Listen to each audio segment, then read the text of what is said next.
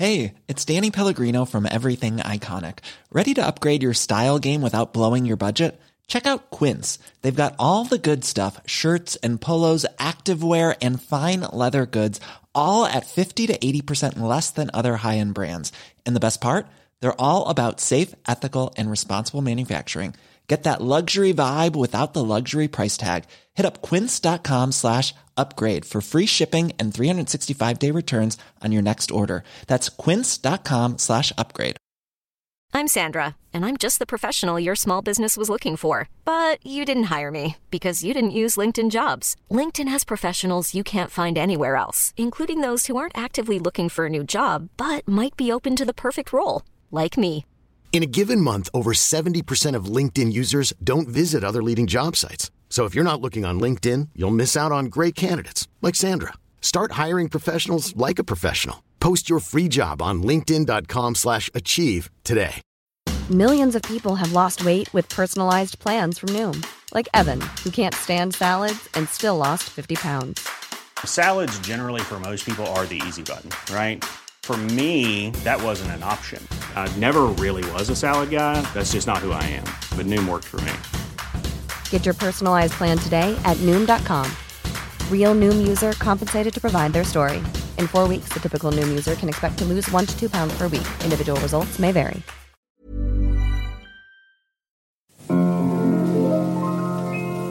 Ifall du knegar upp till Skansen kronans topp Du får en liten utblick över stan. Mellan hustak kan du se just en grönskande allé och kyrkans gröna tak vid Hagaplan. Och ser du västerut där himlen tycks ta slut. Du skymtar Vinga fyr liksom en prick från kvarteret nedanför du glada toner hör. Det är folk som samlas kring en flaska dräck.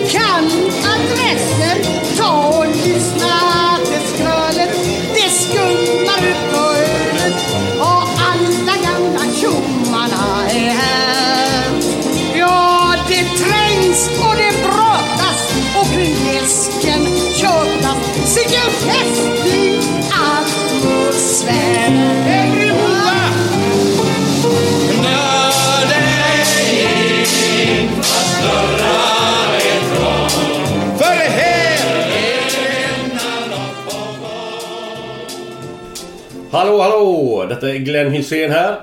Välkomna till Gott Enna-podden. Idag har vi en god gubbe här med oss. Mr Sävehof, handboll himself, Stefan Albrektsson. Välkommen gubben! Tackar, tackar. Välkommen, välkommen. Kan du bara sätta dig lite närmare sen? Vi, Så blir det bättre kanske. ja, vi har haft vissa gäster som har förmågan att eh, flyga bak ganska långt. Ja, ja, ja. Distansera sig lite. Ja, lite så. Eh, Men det är helt okej bara vi hör vad du säger. Ja. Jag Bert Karlsson satt väl två meter från micken ungefär. Ja, ibland var det tre till och med tror jag. Så det är... Vi hade lite problem med ljudet senast. Vi hade glömt att sätta upp... eh, Du ser vi har ju massa filtar på väggen här för att slippa eh, eko. Och det missade vi förra gången. Så Jaha. det trodde jag gjorde att det blev lite sämre ljud. Ja, ja. Det är gott att ni har spetsat nu då. Nu, idag är det verkligen spetsat. Mm, det är bra. Eh, Men du är heller ingen kaffedrickare på det sättet. Eller det får inte bli för mycket kaffe helt enkelt. Nej, så det är lugnt. Det behöver inte bli några speciella avbrott heller. Nej, vi kör som vanligt våra små musikgrejer och sen så kör vi lite Ramlösa och Bulle. Det är gött. Eh, Du är uppvuxen i Sävedalen. Fick vi reda på precis här innan sändningen. Mm, stämmer det? Född i Mölndal på sjukhuset. Så du är en göteborgare kan man säga. Räknar sig. Sävedalen är ju ett stenkast från Göteborgs Ja. stadsgräns va? Nästgårds. Nästgårds ja. Eh, och du är Mr Sävehof. Men det att du är med här idag är lite grann för att vi har ju en världens största handbollsturnering i stan eh, den här veckan. Eh, Partille Cup. Stämmer. Där du har varit med nästan från början. Va? Men innan vi kommer in på det där så vill vi ha reda på lite grann. Har du själv spelat handboll innan? Ja, började som parallellt med fotboll. Okej. Började 1973, stannade kvar på en fritt valt arbetsträning med Bertil Söderberg var en av de stjärnorna som var Frölunda-gubben. Frölunda-gubben, ja. Landslagsspelare och bombkastare.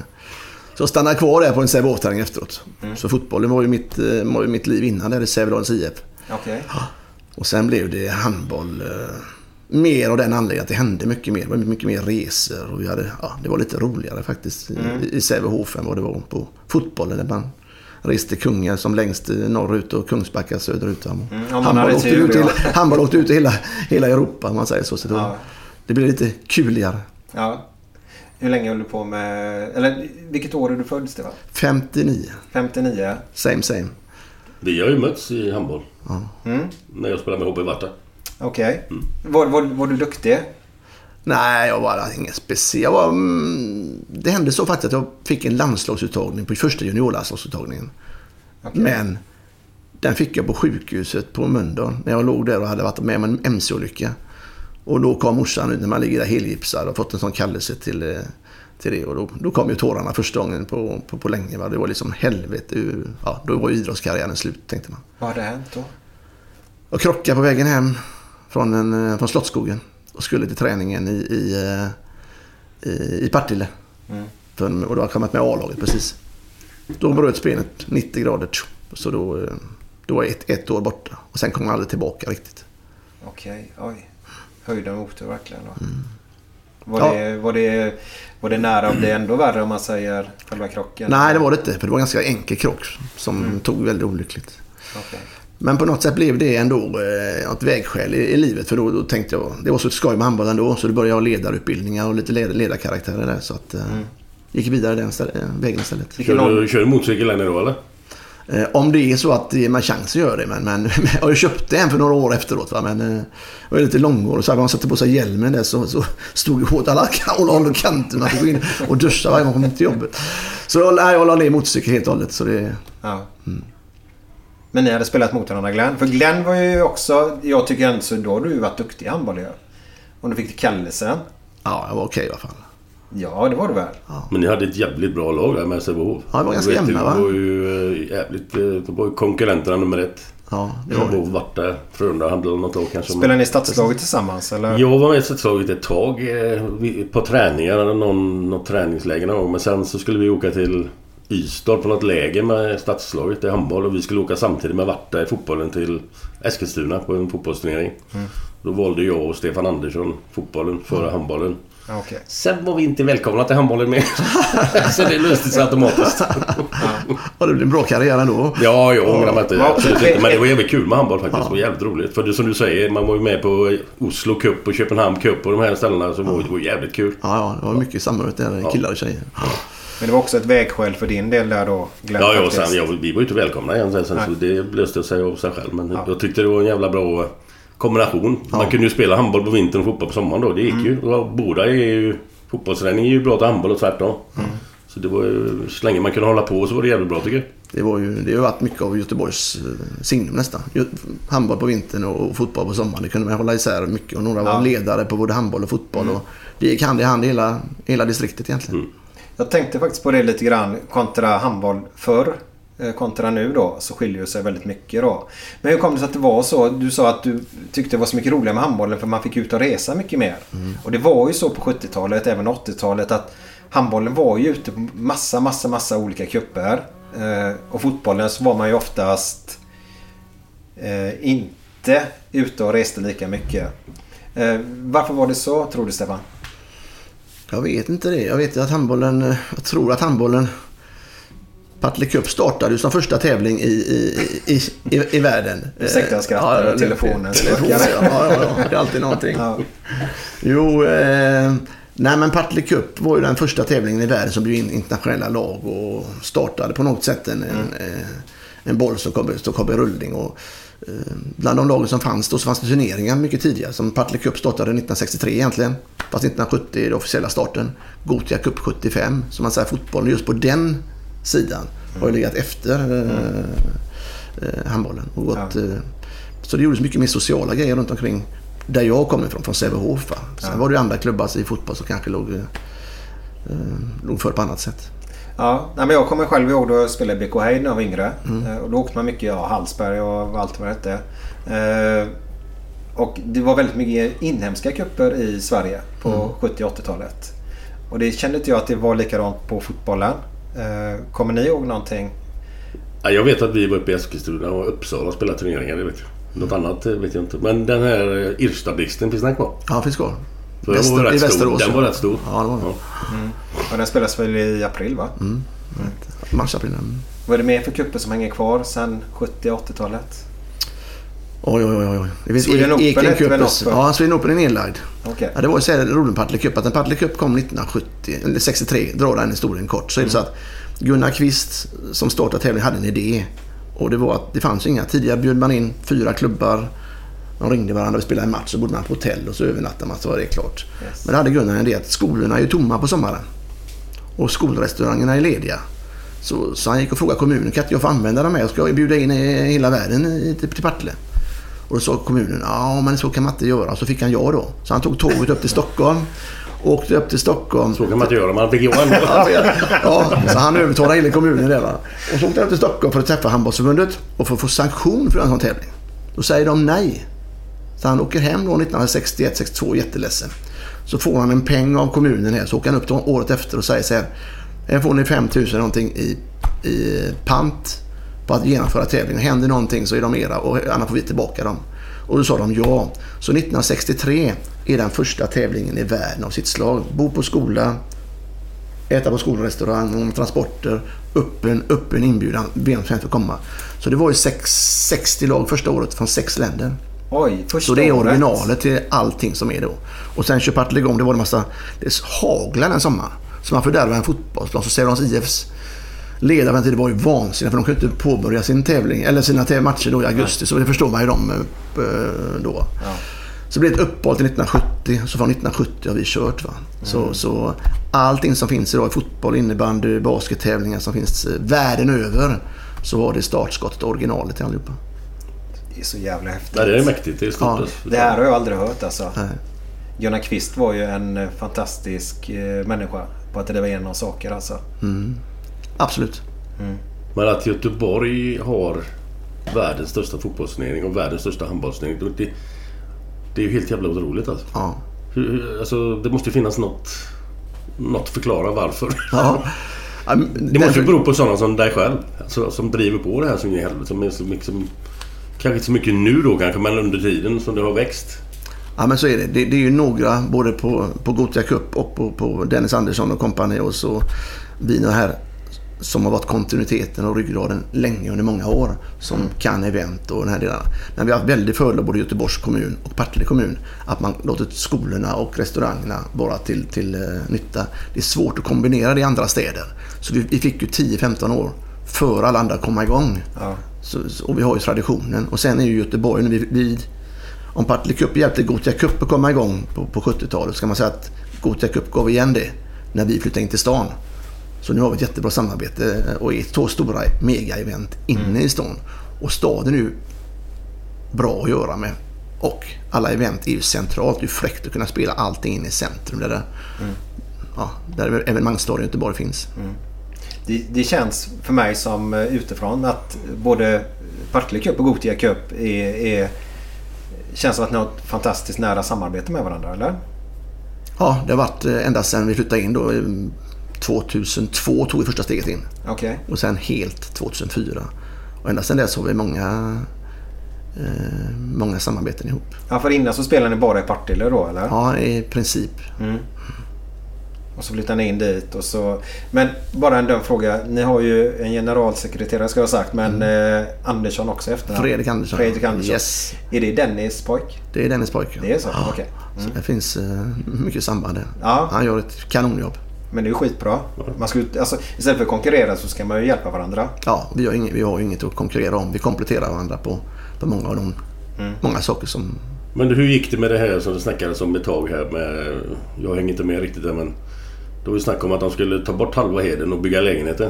Ja, Hur, hur står det då? Vad- Hur, vad ligger det någonstans? Hur, Ja. hur fan tänker man då liksom?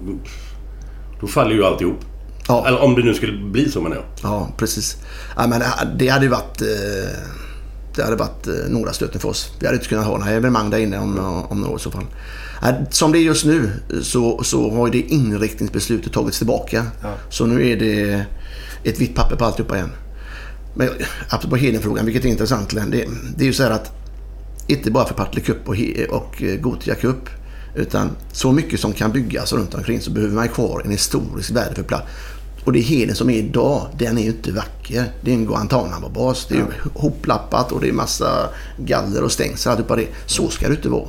Det ska ju vara när allting byggs färdigt runt omkring. Du kan ju bygga i Gårda, eh, Valhalla och, och de här runt omkring. Och Huck kan man bygga numera. Så du, plats att bygga bostäder finns ju. Då behöver man en plats som Heden i framtiden. Eh, som en rekreationsyta, en nöjesyta, eventyta. Och det ser vi där är ju, det var Göteborgsgirot och det var eh, Iranska nyåret och det är Oktoberfestival. Det finns mycket mer man kan göra. Lägga in motionsslingor. På vintern kan du köra motionsspår med, med, med skidor. Alltså det finns ju hur mycket som du kan göra genom att, genom att utveckla fortfarande det öppna Heden. Ja. Men, men det är väl skolor som håller på där för fan dygnet runt och det är ju korpenidrott och liksom allt. Så skulle de börja lä- lägga bort det, ta bort det. Ja. Då faller ju allt. Ja. Ja, men det är Som med idrott att unik- göra i alla fall. En väldigt unik yta som inte många städer, eller nästan, jag känner inte till någon stad som är något liknande på det sättet. Nej, det finns inte. Och det är vi som har möjligheten. Och den får man inte bygga bort den möjligheten. Alltså det, det, eh, man kommer många som tio år och undrar vad som hände. Varför gjorde man så? Eh, Men vem, vem är det som har detta beslutet? Ligger det hos politikerna till 100% eller vem? Ja, det är 100% hos politikerna. Och Det är så så. ligger, det ligger hos eh, byggnadsnämnden egentligen. Och, Ja. Eh, vi har haft en bra dialog. Den var väldigt frostig under ett halvår men den är väldigt bra just nu, dialogen. Och vi, har bestämt oss för att börja om på, på, på ett nytt papper. Mm. Och då att de pratar med brukarna som det heter. Göteborgsfotbollen främst är det för mig och Korpen och... och Ja, eftersom det ligger mest eh, fotbollsplaner där Ja. så... Sen hoppas man då att det blir eh, den där integrationsplatsen i, i kommunen som vi behöver och att det blir en utveckling av det hela så att fler kan vandra ner till Heden och och uppleva den på ett kuligare sätt. Ja, vi har ju den här podden lite grann för vi vill ju lyfta fram just Göteborg då. Mm. Och där är ju en grej som jag personligen tycker vi ska bevara ut i, ja, så länge det går bara helt enkelt. För det känns som lite grann att Göteborg och göteborgskan och lite grejer försvinner mer och mer med ungdomarna som växer upp idag. Mm. Eh, Så jag tycker det är viktigt att vi försöker. Jag kommer i alla fall stå bakom att behålla Heden för det all framtid. fan. Eh, Och bygga ut den på ett bra sätt. Du, Men- en, en annan... Förlåt. Nej, kör en annan sak jag bara tänkte på. Ni är inte lika beroende av väder nu va?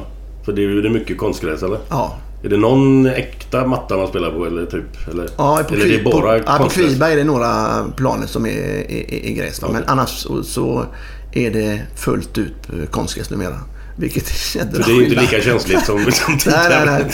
Och gamla Partille Cup, då hade vi grus och vi hade asfalt och vi hade konstgräs eh, då på senare år va? och vanligt gräs. Och då var det ju ja, så nervös innan. Det gick många tusenlappar för klubben. Och sådär på väderprognoser och alltihopa som ändå inte stämde i slutändan. Va? Men det är likadant nu. Jag har nog varit inne på SMHIs sida tio gånger om dagen. Ja, hur ser det ut då? Det, det, vi kan berätta då, fast det är fredagskänsla då, så är det måndag då när vi spelar in detta Ja. programmet. Hur ser det ut i veckan tror du? Du Den är som har oro, kollat. den var väldigt orolig här veckan. Det var liksom eh, skyfall, tropiskt skyfall kunde det komma in där, Men det var det lättat lite grann. De kan ju passera både söder om och norr om. Va?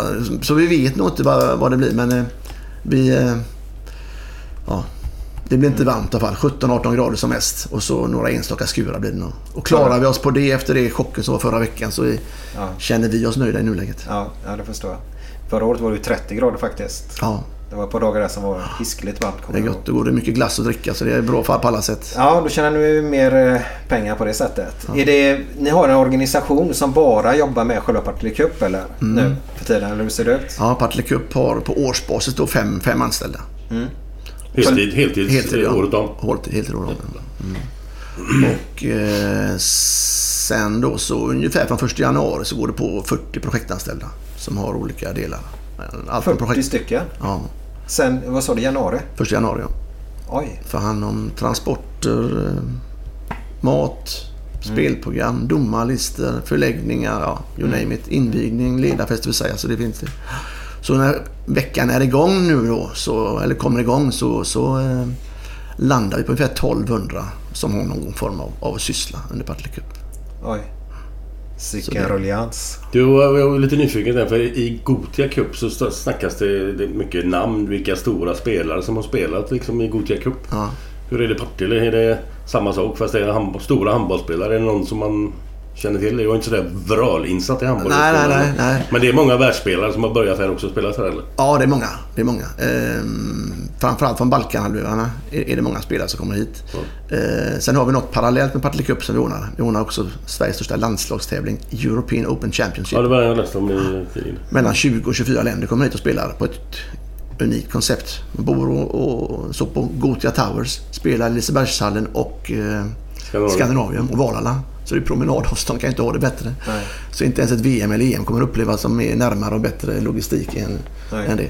Och där har det varit, you name it, alla bästa norska, danska, Balkanspelare och svenska spelare genom tiderna också. Så Hur länge har den eh, turneringen pågått? Sen 2005.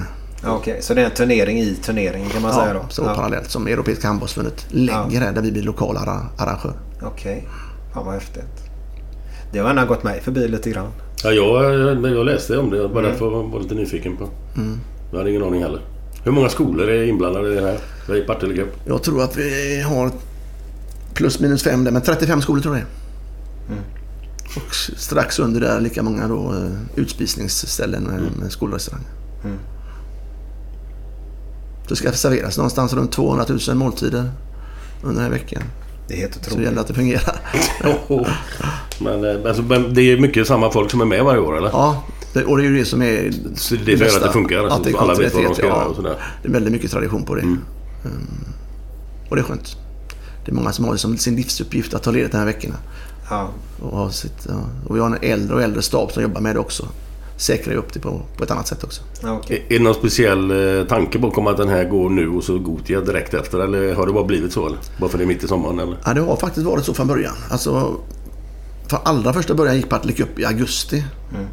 Sen kom då handbollsförbundet in och startade Sweden Open. Ja, det vet jag. Ja. Och, och då sa man så här då att Partille Cup ska inte få ligga i augusti, det ska vi ligga. Och då tvingar man Partille Cup att flytta då tre, fyra veckor till juni.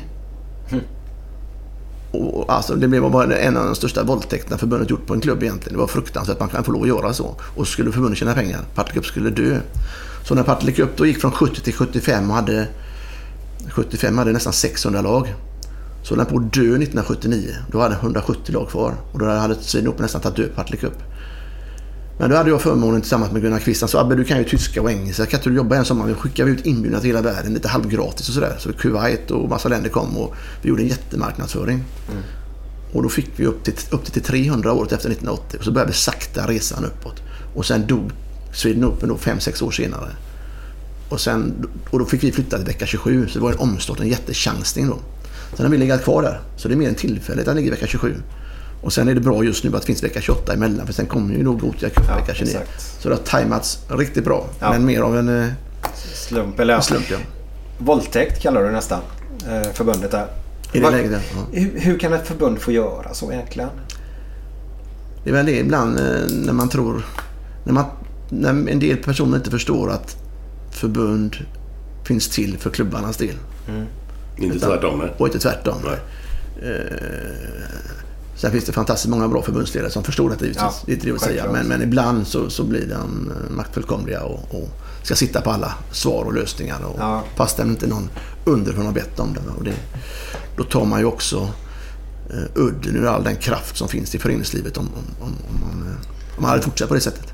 Men du, fin- finns det någon eh, gräns på hur många lag ni pallar med eller? För nu är det tusen lag eller? Är det?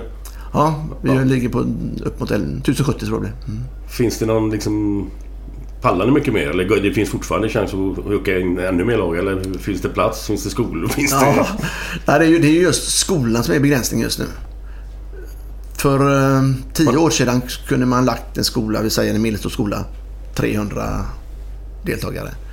Men med anledning av att det finns fler och fler dagisverksamheter, annan verksamhet integreras, eh, andra typer av salar, så så sjunker antalet per skola. Så antalet skolor ökar därmed. Men vi hade hellre haft större skolor som blir eff- effektivare. Ja, det. Så det är begränsningen. Men annat har ju vi fördel mot fotbollen. Därför att fotbollens, på fotbollsplanen lägger vi ju sex handbollsplaner. Så där finns, eh, där är det, kan vi spela hur många planer, kan vi göra hur många planer som helst. Så det är skolorna. Men vi tror att vi kan gå upp lätt till en 13-1400 lag. Och, och, och Så ni har aldrig be- behövt tacka nej till någon? Eller ni har sagt att nej, nu, nu, nu går det inte mer? Nej, anmäler man sig bara i rätt tid så, så, så eh, bör tacka nej.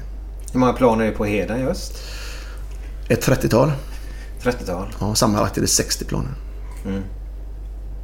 Om vi går tillbaka till förbundet där lite grann. För i fotbollen nu då så håller ju förbundet då i Svenska fotbollsförbundet eh, att eh, förstöra för många eh, föreningar just då med cup för att kunna arrangera kupper då. De får inte ha något slutspel upp till 12 år. Eh, får inte utse några slutsegrare helt enkelt. Eh, har ni likadant på handbollen? Har- Är det någonting som de pratas om i handbollen där med att man inte får ha slutsegrare och sånt? Ja, den debatten har börjat i handbollen nu också. Och min, min, min eh, uppfattning är som har, vi är alltså världens största handbollsklubb och har lätt att få ungdomar det och kan hålla kvar dem länge.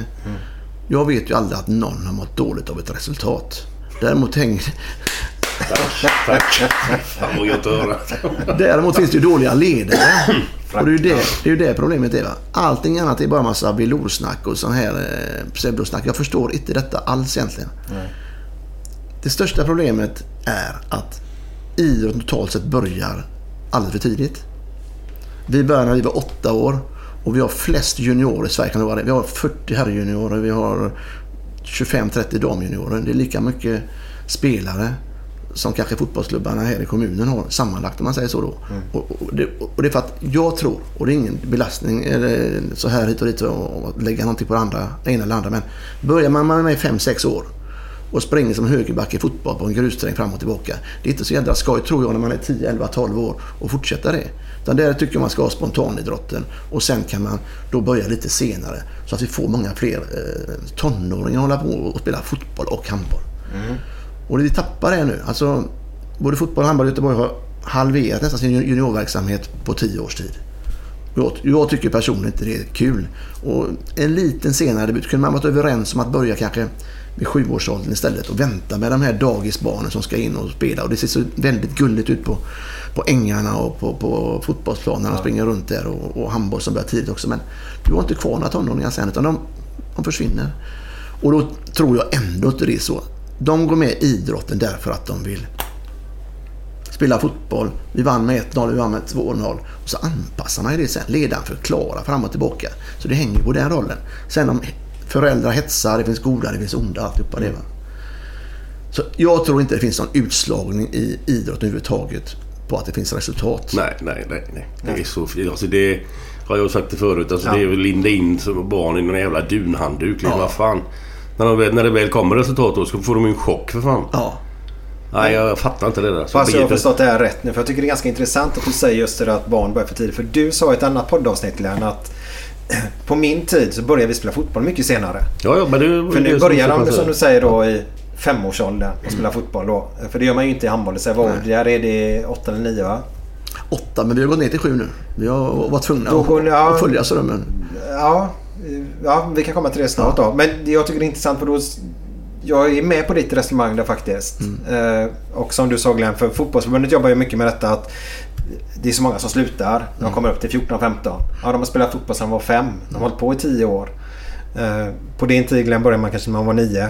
Ja, alltså 9-10 någonting sånt där. Ja, Men så- jag säger inte att det var idealet. Nej, men men, då- men, men, det funkar då. För alltså, allting går ju framåt heter det ju. Men jag menar vad fan en sån grej kan ju fortfarande ska, skulle kunna hålla än idag. Ja. Tycker jag i alla fall. Tycker jag också. Så att man går ut för att det är kul. Bara gå ut och dela upp två lag liksom och kör. Istället för att du ska vara det ska gå en en gubbe med en pipa. Nu ska du springa där, nu ska du göra det när man är fem. typ. Nej, du blir inte bättre för nej, det. nej, nej, tvärtom. Utan spontanfotboll det står jag Och för. gärna att man håller på med och det går ju inte mer än två idrotter kanske. Men handboll och fotboll skulle funka hur bra som helst Ja, än idag. Absolut, Men nu är det bara så att nej, du kan ju fan ska det bli någonting så får du börja för fan när du är sex. Annars så hänger du inte med. Nej. Så att det, det här med att man kan göra olika idrotter, det köper jag fortfarande. Alltså. Ja. Men det sa du också förut Stefan, det här att förut så i Göteborg så var det handboll på vintern och fotboll på sommaren. Ja. Punkt slut. Det var ingen som diskuterade ens. Nej, nej, det är många som känner igen sig när vi säger detta som varit med Ja. tidigare. Men du gör ju lite fel här nu då. För nu går ni ner till sju säger du. Helt rätt. Ja, men alltså det, felet är att börja tidigare då, som vi pratade om, med juniorer då. Då är bara min fråga så här, vad är det som gör att ni gör så? Vi har väntat och väntat och jag har varit största motståndaren men jag blev övertygad för två år sedan av våra ungdomssida att, att gå ner. Och det gjorde vi därför att så många andra sporter började när man var 5-6 år. Och då låg vi då fyra år efteråt. Då kändes det inte bra. Utan vi, vi behöver ju i vår verksamhet, eftersom vi byggt upp en sån eh, organisation på ungefär 200 nya rekryteringar varje år. Ja, okej, så det är antal deltagare som Ja, behövs? ungefär då för att kunna fylla på i led upp, upp igenom. Och eh, då kände vi att nej, då, då, då går vi ner ett år i alla fall. Och det är ingen sensation att börja med sjuåringar. Det är nästan sent numera. Men vi, jo. vi, vi börjar med sjuåringar nu då. Men jag tycker att få grepp på detta. Det finns problem med planer och halvtider och alltihopa det.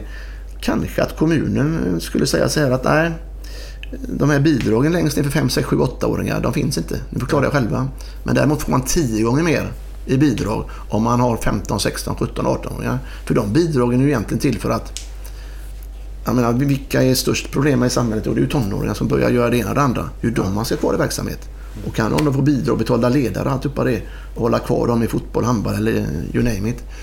Så skulle man kunna ha gjort lite politiska omplaceringar av pengar. Ja, jag håller med dig faktiskt. Men jag tror att det är från sju år man får bidrag va? Ja, sju, man får det är det oftast. Ja. Eh, Men det är väldigt intressant resonemang detta. Eh, Och det är någonting som ni har, eh, kan jag tänka mig, brottats med ganska länge då. Att göra just det här steget, att gå ner till sju år då. ja, det var ett stort steg för oss. Men eh, ja. nu är det hemma och känns bra. Ja. Vad har vi för klubbar i Göteborg idag som är stora på ungdomsverksamhet utöver det? Frölunda, är de kvar på den nivån eller? Frölunda är nästan borta. Det är, Det är tragiskt. tragiskt. Det är tragiskt. Ja. Starkast ute i väster är eh, definitivt Unrils handbollsklubb. Ja, det, Heid. Eh, sen har vi Torslanda är mycket stora. Riktigt stora. Din gamla klubb tyvärr som fick Lundbystrand alltihopa det ja, har tappat rejält. Kärra är mycket stora. Aranäs, Kungsbacka, Kungälv, eh, här, Baltikov, Lerum. Det har de stora. Och det är stora klubbar faktiskt. Det är ingen av dem som har under 30-35 lag. Så det är riktigt stora. hur, hur går det för RIK på ungdomsverksamheten? RIKs ungdomsverksamhet har nog börjat ta sig lite grann nu. Man satsar väldigt mycket på 15-åringar och, och, och äldre ungdomar tidigare. Men nu tror jag att RIK har börjat även med på ungdomssidan. Och det är skönt i det området att det finns ett bra rekryteringsområde också för 8, 9, 10-åringar. Ja. Nu pratar vi väldigt mycket i vissa områden då, men ser du att det är väldigt skillnad på handbollsspelare och klubbar i vilka områden de ligger i? Eh, vart de får folk ifrån som kommer och spelar kontra mot fotboll. Inte så insatt i det faktiskt. eh, jag, jag, Nej, Biskopsgården, har vi någon stor handbollsförening där ute? Ehm, nej. Det är ju bara Varta då. Det är bara de Varta. håller till i, eller de kanske inte är i Ryaskolan Nej, nej de är knappt, Någonting, knappt, eller? knappt det tror Det är jag. jag. vet Lundbystrand, inte. eller? Ja, Lundbystrand mest ja. Nej, på Hisingen är det Torslanda och så är det Kärra. Sen är det, var det, är det då Backa som hade handbollen som, och eh, Bjurslätt. Som var de stora som tog platsen för, för Varta efter det. Så där har du de klubbarna som är där. Vad finns uppe i Angered nu? Vasaiterna som har gått från 30 lag till 5-6 lag på fem år. Oj. Tungt, tufft och tungt. Vi har i nordöstra Göteborg, där Bergsjön, eh, Kortedala. Tre klubbar. Blev en, som inte är någon nu. Tappat område. Men då har vi i Sävehof gått in i, eh, på PS Arena startat en klubb som heter Kvibergs handbollsklubb. För att fylla upp den delen. Vi kände att alla kan inte komma till Partille därifrån utan startade vi upp det. Så vi var 120 spelare på ett år startade vi förra året. Oj. Från 0 till 120. Så nu räknar vi med 200 spelare till nästa säsong. Så det har gått snabbt. Så vi hoppas då kunna få tillbaka det, det området i nordöstra Göteborg där att, det blir, eh, att handbollstraditionerna lever vidare. För det var ju ett av de stora nästan tidigare. Ja, ja. Kortedala, ja. och de här klubbarna och Vasaiterna. Men, men är det lite så också att folk som kommer utifrån från andra länder och sådär att handboll är inte lika attraktivt som fotboll? Nej, det är rätt. Så är det. Det, det kanske är svårare att få dem att börja spela handboll Ja. än fotboll. Tar vi, eh, för att prata det då, men tar vi Balkanfolk så är det ju inga problem. Men tar du då andra delar av världen, afrikaner och annat, så, så är det inte alls samma tradition. Utan det är ju fotboll, fotboll. Ja. Men det är inte bara det egentligen. Man, man går och tar nog det som erbjuds. Men eh, mycket av föreningslivet har ju tappats där borta. Jag menar det här traditionella att ha en ordförande och ha en ledare och, och samla allihopa att man kommer i, i tidig träning dagen efter och det är skjuts och man ska resa och, och, och det, det eh, man säger man ska göra många insatser där men det är svårt. Ungdomarna kommer inte dit på kommunala insatser. Det måste komma från föreningslivet och det, det tappas tyvärr alltid, allt för mycket i de här delarna av eh, kommunen. Det är ett stort jobb som behöver göras. Absolut. Måste återupptas igen på något sätt. Ja, är det enkelt att göra det tror du? Eller? Det är kolossalt svårt. Ja. För det här med eh, eh, vad ska vi säga, folkrörelsen och så vidare. Det är det vi som är uppvuxna med att ha det i blodet. Och många som är nytillkomna på något sätt har det, har inte det i blodet på samma sätt utan är då förlitade på att kanske vi ska göra mycket. Och, och, och, ehm, är det då för, för mycket segregerat så, så finns ju inga egna initiativ att starta på samma, på samma sätt. Nej. Så det behövs verkligen startas upp. Men har vi några, så, om du jämför med fotbollen där för, på 70-80 där, när det fanns ledare som... Vad heter han i Malmö? Stig Persson? Persson heter han? Harry? Vad fan heter han? Inte en aning. Erik Persson. Erik Persson. Stig Nilsson i Halmstad. Anders Bergman Blåvitt. Men du är en sån typ i handbollen i Göteborg. Vad, vad, vad finns det mer för handbolls... I din som, som du liksom i Göteborg? För jag kan fan ingen mer alltså, just nu. Jag vet ju de här gamla Gösta Rutgersson och de här som var på. ja, precis. Eh, Sven Anselius där i, i Varta. Och, så, men finns det någon mer? För man hör ju aldrig någonting om någon. Nej, men det, det finns... eh, ja, Jag undrar Du känner Ke- till Kenneth Johansson och Eva Johansson som har lämnat föreningen just nu. Men, men, men precis just nu. Men det finns, eh, det finns i de klubbarna som, som är just nu i, i, i de jag nämnde. Ja. Torslanda. Är de som har kontinuiteten. De som har ledare som funnits med, funnits med länge. Mm. Men du hittar inte de som... Så många som, som har det li, Nej. livet ut som, Nej, som nej. det. Va? Och, och det var därför som det är sån omsättning på ideella människor. Du orkar inte sitta i styrelse samma som, som du tidigare. Det är, det är svårt att få ihop styrelsefolk, det är svårt att få ihop ungdomsledare, det är svårt med rekryteringen och det är splittrat. Det är en helt annan bild nu och en helt annan trygghet där ute än vad det var bara för tio år sedan. Men är det för att det är tungt ekonomiskt eller, eller att allting är... Allting handlar om pengar nu eller? eller var- varför, varför kan man inte ha de här äkta eldstjärnorna som dig själv? Ja, frågar man inte riktigt. Det, det, det blir ju en livsstil eh, stil på något sätt. Va? Och det är kanske inte så många som anammar den. Det, det, jag vet inte varför. Det finns det sjuka människor va? och så finns det de som eh, tycker att det är sjuk levnadsstil och tycker att man lägger för mycket tid på det ena och det andra. Där? Men, men det finns många duktiga där ute. Nu är det så att jag glömmer många namn nu när jag berättar. Det Ja, ja, finns är inte må, många som är, som är duktiga där ute och, och, och gör det. Men eh, i de föreningar som är starka fall så har det funnits bra kontinuitet i styrelser och på kanslisidan. För det kan man säga att finns det inget kansli, finns det ingen som är i vardagen, den dagliga ledaren, så blir det ju tufft att driva eh, verksamhet i vardagen. Det är lite som Partille Cup du pratade om där att ni har samma personer som kommer år efter år och jobbar med det. Ja. Då är det lättare att driva någonting framåt. De måste ju ha de här eh, morötterna hela tiden. Mm. De, de måste ha eh, motivationen att komma tillbaka varje år. Glädjen, eh, skrattet och att det finns det där att man ty- tycker det är skoj. Gemenskap tycker du inte det är skoj så, så ja, då väljer du lätt någonting annat idag. Ja. ja, det finns ju mer utbud idag också. Ja, kolossalt mycket mer. Ja, så det måste vi ju ta in i bejakningen faktiskt. Att på 70-talet och 80-talet så var det oftast föreningslivet du vände dig till. Och då fanns det inte så mycket mer. Idag gör du det. Sen kan jag väl tänka mig att många som kommer in med sin pojke eller flicka eller vad som är eh, och eh, blir driven och detta och helt plötsligt så vill barnet inte spela mer. När jag slutar barnet så slutar jag. Det är inte det där genuina längre. Nej. Är det er ledarfråga där? Du sa att det finns många dåliga ledare. Att det inte är staten som gör att barnen mår dåligt utan det kan vara dåliga ledare. Är det någonting som ni upplever i Sävehof? Ja, men vi har 200 ledare. Och det finns ju 6 procentsatser på att någon inte uppför sig bra och inte gör bra och inte gör som vi tycker. Men man ska ändå... De gör fantastisk insats på, på detta. Och sen finns det alltid något som sägs fel, upplevs fel och som föräldrar kan ta till sig. Så att det är en laguttagning hit och en laguttagning dit och vilka får spela med varandra på resor. Varje dag är det en debatt inför någonting som sker i ett hem. Och vad som är rätt och fel i slutändan vet vi inte riktigt. Men vi, vi försöker stå i Sävehof för fall att, att eh, de första fyra, fem åren spelar man med sina kompisar och de lag som är runt omkring. Och sen börjar någonting av uttagningar. För det är det idrotten går ut på. Och gör det, va? Men däremot får aldrig uttagningar ske till utslagning. Så alla ska alltid få vara med. Så, så att eh, oftast tar man fram några dåliga exempel på hockeyklubbar från Stockholm när man pratar om uttagning i, de här utslagningarna i TV. Och så drar man det som de första sensationerna. Att "Ja, titta här, gjorde de här och min son han fick inte vara med när han var 11 år. Nej men det visste du när han satte in han när han var 6 år. Exakt. Att det sker uttagning när de är 11 år. aktivt val som förälder. Och stå, står en klubb för det så får den klubben stå för det. Jag har inga synpunkter på att det finns elitklubbar och alltihopa, men som förälder måste man ju kolla upp innan vad de är, vad, vad, vad som sker. Och det är ingen sensation. Men hos oss hoppas jag att allihopa får vara med så länge som möjligt tills de är juniorer. Därefter har vi bara elitverksamhet och då försöker vi hjälpa ut till eh, klubbar på division 2, division 3. Någon blir supporter, någon blir domare, någon blir elitspelare i annan klubb, någon blir landslaget, någon blir utlandsproffs. Ja, men det är ju självklarheter liksom, när du är kommer upp i den åldern. Ja, det tror fan det att du måste... Du ska, det är ju där det Ja. börjar liksom. Så... ehm, nej, jag... jag ehm, apropå dåliga ledare där. Motiverar man och är en god person och så kan man motivera vem som helst eh, att vara juniorspelare och ändå spela i ett andra lag eller tredje lag. Det, det, det, a- alla har sin uppgift och man kan vara en god kamrat i ett sånt gäng också. Exakt. Kärlek till handbollen. Ja, precis. Mm. Nu kör vi fredagsmys. Kä- Fredagskänsla menar jag. Sorry.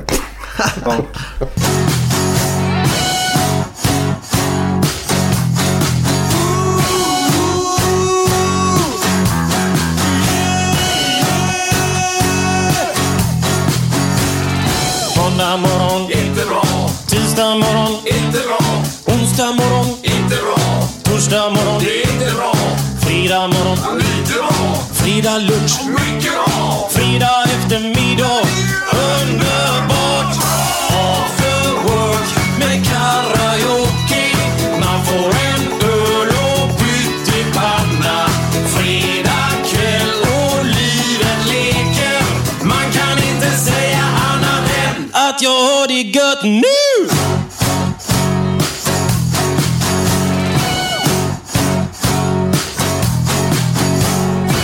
Måndag morgon, inte bra. Tisdag morgon, inte bra. Onsdag morgon, inte bra.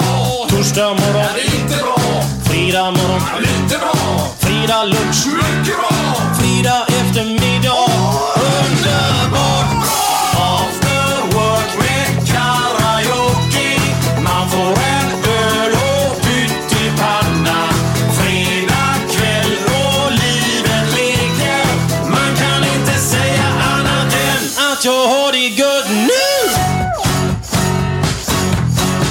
Sådär ja. Välkomna tillbaka.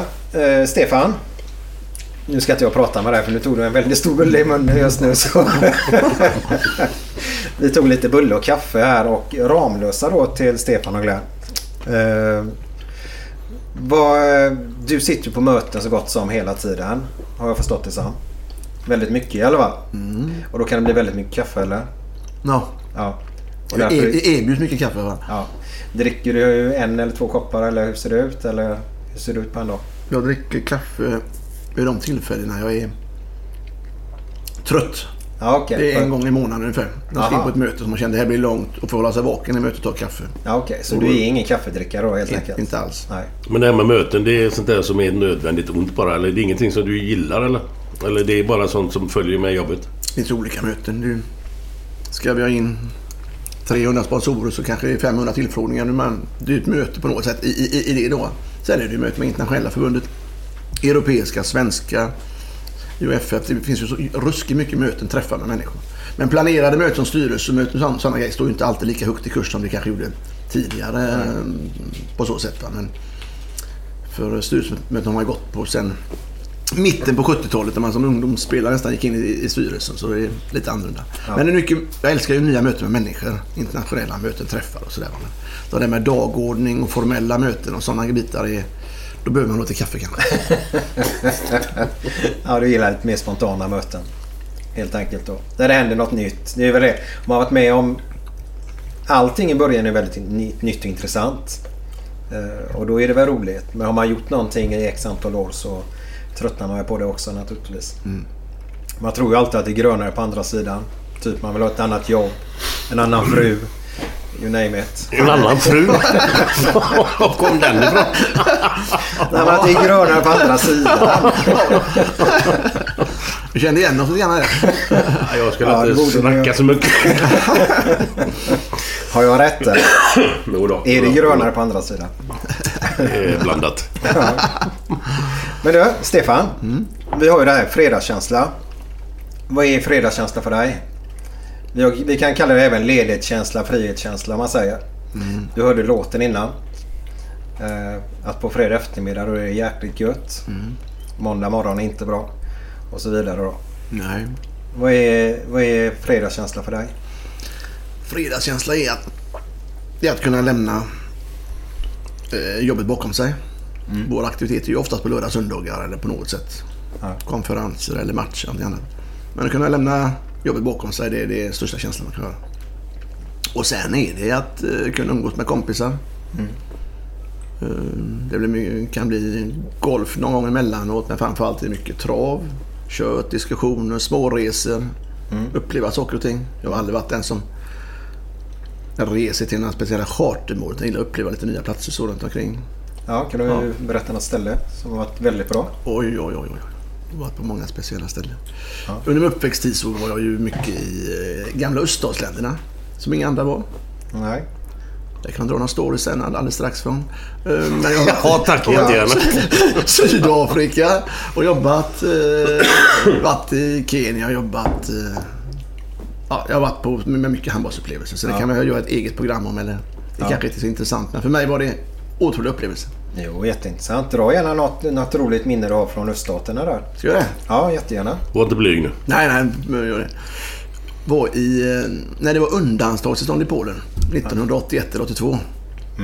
Då satt han Jaruzelski med mörka glasögon i tv-rutan. Och, och ryssen skulle ju komma in och invadera Polen om inte Lech Wałęsa och komparna höll sig lite lugna där i, i Gdansk. Och då fick ju ingen... Det var mm, mörklagt hela, hela Polen. Då hade vi ett utbyte med en stad som heter Piotrków. Vi samlade in förnödenheter, skor och, och, och läkemedel och alltihopa det. Och fick tillstånd att resa till Polen. Okej. Så vi kom in med två långtradare. Vi hade hjälp med av kyrkan då och våra damjunior åkte ner. Och eh, vår damjunior Susanna Laursen var Lucia Partille. Så vi åkte med damjuniorerna och så var det fyra, fem till som åkte ner till Polen. Och det var ju undantagstillstånd. Så varje vägspärr var var femte mil med k-pistar och genomgång och allt på det. Och så kommer vi ner då till den här staden. Och eh, där ska vi bara lämna av materialet. Men då har de ordnat en, en högmässa för oss där. På, på, på söndagen klockan 11 som vi var. Där våra tjejer kommer in i, i, i, eh, i, i kyrkan. Och det avslutades där med det. Så jag satt ju längst bak i sakristian där med munkarna då va. Och, och sen kommer de här tjejerna in med, med ljus i håret. satt jag med, med dem där bak och då hade de hällt upp cykeln, sen lite vodka och lite rödbetor och så. har de sparat det bak. Så när de kommer in tjejerna där och sjunger detta så reser sig hela kyrkan upp och ner för, fullknökad flera hundra människor. Och på utsidan står det tusentals människor. Och när de reser sig upp där, de här människorna, och det är det sista som sker i den här, den här eh, högmässan. Så börjar alla skrika sen Solidarność, Solidarność och upp med två fingrar i luften. Va? Så då blir det sån. Då, föll man, eh, då blir man riktigt känslosam. Va? Och då säger munkarna på sin polska pekar de på tre, fyra man som satt där ute. Politruk, politruk, politruk. Och då satt de och gjorde anteckningar där ute för det var de ju från eh, Säkerhetspolisen. och, och satt där. Sen blev det tre stycken högmässor till för det var så mycket folk på utsidan. Så vi satt där inne. Så på slutet där så var man ju på att, eh, det var goda rödbetor. Ja, det var känslosamt då. Ja, det var känslosamt mycket. Ja. Men det var aldrig så att du var rädd i något tillfälle eller? Nej, man var för dum på den tiden. Man var inte rädd. Nej. Jag åkte dit ner, då var jag 81, 2, 23 år gammal. Och var tillsammans med Gunnar Kvist och ledare för det här gänget som åkte ner och det var ju stort. Va? Sen övergick det här då Östhjälpen, det finns i Partille fortfarande, det övergick sen till, till eh, eller hette Polhjälpen då, övergick sen till Östhjälpen och finns i Partille fortfarande. Men numera har kyrkorna tagit över det. Så nu har vi för pengarna då byggt ett barnhem i Rumänien när de blev fria 89. Så de här barnen som då hade fysiska handikapp, psykiska handikapp på något sätt som satt fastkedjade, om ni minns bilderna på den Ja, tiden. ja, ja. Finns det ett fantastiskt utbildningskoncept och vackra barnhem i färg och utbildade ledare som helt annan behandling än, än vad det var tidigare. Så det har blivit något gott av det. Ja, jättegott. Men är, är ni fortfarande engagerade just i Nej, vi har släppt det. Så nu Okej. stödjer vi det mer Ekonomiskt? äh, passivt vid sidan om kan man säga. okej. Ja. Fan vad häftigt. Ja, det är grymt. Men du, jag har hört en annan grej. Eller jag har hört en grej av dig Stefan. Att du har kattskräck. Och kände på med det. Jag, kom upp. jag fick se han här inne så kände jag på med det. Glenn, snälla. Vadå? Ska du... Vem, vem ska Nej, det är jag. Alltså, jag kan putta in lite men det är bättre att berätta själv. Alltså jag är ju alltid, alltså jag är ju jävligt intresserad för jag har aldrig hört riktigt. Kanske att du sa det på den här vinprovningen vi var på där men vi satt ju där i 3-4 timmar så det var ju lite... Berätta, i vilken stad är Sista ni? delen, ja det var utanför Florens i Italien. Ja, varför, varför var ni där överhuvudtaget till att börja med? Ja, jag, vi var ju där med eh, fotbollsmagasinet Match då som jag jobbade på tidigare. Jag är där någon gång i veckan nu men... eh, Så vi åkte ner och skulle göra en eh, inside... Vad heter det? Ett, ett, eh, ett bidrag i själva tidningen då heter ju Inside någon Ja. klubb då. Och då var det här Inside Fiorentina då. Ja, okej. Och då eh, passade vi på och åkte på en vinprovning utanför på någon gård där vad det nu hette. Jag kommer inte ihåg vad det hette. Men vi, satt, vi skulle suttit där i någon timme. Vi var där fem timmar tror jag. Testat alla viner i hela världen tror jag. Så vi var ju rätt så goda när vi gick där fram. Jag har suttit där 40 graders värme och det. Men en, där kom det i alla fall en katt och jag hade ju ingen aning om att du hade liksom skräck för katter. Men när jag fick reda på det så var de var inte sen med mig jävla så. Då var han inte snäll. Sprang och jagade mig med en katt i famnen. Så man skulle kasta, man skulle kasta på mig vet du. Oj, oj, oj. Minns det ni då? Ja. Jag tror inte att det var så jävla farligt alltså. Men jag tyckte det var skitkul. Ja. Springa omkring. Du skrek. Sprang du och jagade honom med katten? Hey, I'm Ryan Reynolds. Recently, I asked Mint Mobile's legal team if big wireless companies are allowed to raise prices due to inflation. They said yes. And then when I asked if raising prices technically violates those onerous two year contracts, they said, What the f are you talking about, you insane Hollywood ass? F- So to recap, we're cutting the price of Mint Unlimited from $30 a month to just $15 a month. Give it a try at mintmobile.com slash switch. $45 upfront for three months plus taxes and fees. Promo rate for new customers for limited time. Unlimited more than 40 gigabytes per month. Slows. Full terms at mintmobile.com. Jewelry isn't a gift you give just once. It's a way to remind your loved one of a beautiful moment every time they see it. Blue Nile can help you find the gift that says how you feel and says it beautifully with expert guidance and a wide assortment of jewelry of the highest quality at the best price. Go to BlueNile.com and experience the convenience of shopping Blue Nile, the original online jeweler since 1999. That's BlueNile.com to find the perfect jewelry gift for any occasion. BlueNile.com. Hold up. What was that? Boring. No flavor. That was as bad as those leftovers you ate all week. Kiki Palmer here, and it's time to say hello to something fresh and guilt-free. Hello Fresh. Jazz up dinner with pecan-crusted chicken or garlic butter shrimp scampi. Now that's music to my mouth. Hello Fresh. Let's get this dinner party started. Discover all the delicious possibilities at hellofresh.com. Oj, oj, oj. Ja, så Ja, sen efter det har jag bara sett honom klussa med klor. Och så, Var kommer det ifrån? ja, jag vet inte. Det måste ha hänt någonting någon Ja, det gång i livet. gjort. Det måste ha hänt eh, sen barndomen det. Ja. Det är ju något så sjukt så att... Eh, morsa, morsan har alltid sagt, eh, vi hade bodde en svart katt mitt över gatan. Akta dig för katten har du hört sedan du var tre fyra år. Akta dig för katten, gå inte på den sidan, den är farlig. Och du vet, det sitter i. Ja, ja, ja. Det är så jävla sjukt det med fobier så det är... Fan vad det... man skrattar åt det. Men det är ju hemskt egentligen. Vet du. du kan inte gå hem till folk. Torbjörn Nilsson har ju två katter. Ja, vi har ju tre hemma nu. Har du tre hemma? Fan. Camilla har ju, hade ju tre. Oj, oj, oj, oj. oj. Jag behöver inte räkna några besökare. Fan. Jag förstår. jag. Torbjörns två katter har dött nu så nu känns det skönare. Då kan man åka upp utan anmälan. Så annars fick han alltid anmäla så jag plockade in dem någonstans. Och så Ja, att har, har du bidragit med någonting i deras död eller? Säg ingenting.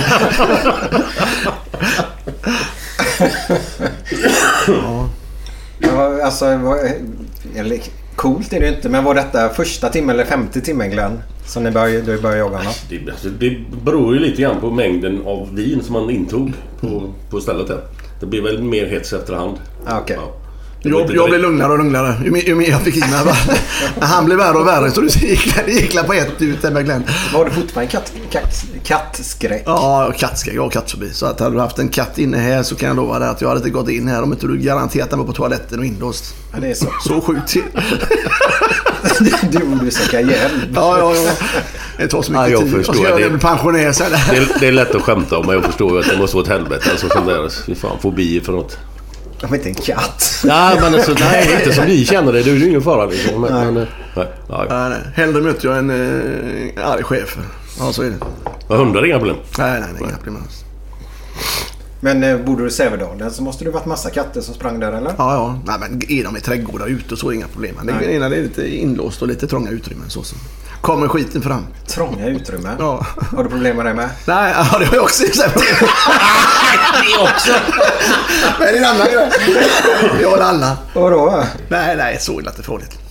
Men jag tar, länge, jag tar ju ingen hiss ner till någon parkeringsdäck längst ner. Eh, Det, det, det gör jag ju inte. På, på, på, på, på en fredagkväll gör jag inte. Nej, jag åker hiss i vanliga fall. Hotellhissar och Och det här måste man ju tänka på alltså.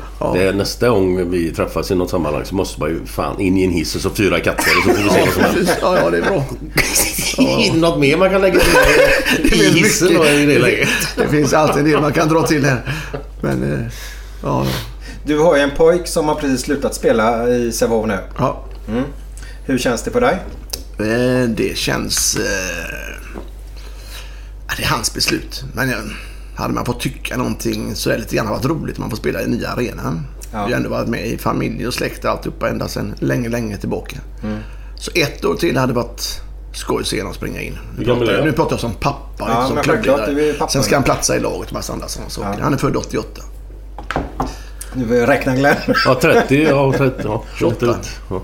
Det är det, på min Det är ganska tidigt. Ja, det är ganska tidigt. Ja. Han har på varit... Han gjorde tionde säsong, tror jag, Ja. nyss. Att Men Har han tröttnat eller har han ett jobb som är viktigare? Det var väl lite det att aldrig kunna göra något annat än handboll, handboll hela tiden. Nej. Och så var han väl sugen och fick ett jobb i Göteborgs hamn. Okej. Det jobbar Som- en av mina söner också. Ja. Så att eh, det vill han satsa på fram igen. Har du fått skit för att din son har fått spela i A-laget? Alltså har han fått, eller har han fått skit och höra gliringar och sånt? För det kan du lätt bli kan jag tänka mig. Mm. Eftersom du sitter då som...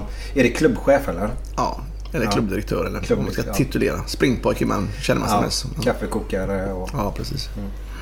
Har han fått det eller har du fått Om det? han har fått det vet jag inte riktigt. Jag har aldrig fått det av Nej. någon. Nej, vad bra. Eh, Men det kanske snackas, det vet man ju aldrig riktigt. Men jag har aldrig hört det och han tycker väl ändå på något sätt att han platsat sista Mm. av de här åren. Absolut. Och som försvarsspelare, definitivt. Mm. Med vilja och mod, definitivt. Som anfallsspelare skulle han mycket väl kunna byts ut på under flera delar av matcherna. Så att Ja. man har olika uppgifter, klart. Ja, men Men så är du känns ju som en person som, eller känns, jag vet ju att det är så att det, du är ju inte den som springer och tjatar att din son ska spela eller lägga sig i vad tränarna gör i det här. Utan det, det tror nog att du låter dem sköta själva. Ja, det har varit så.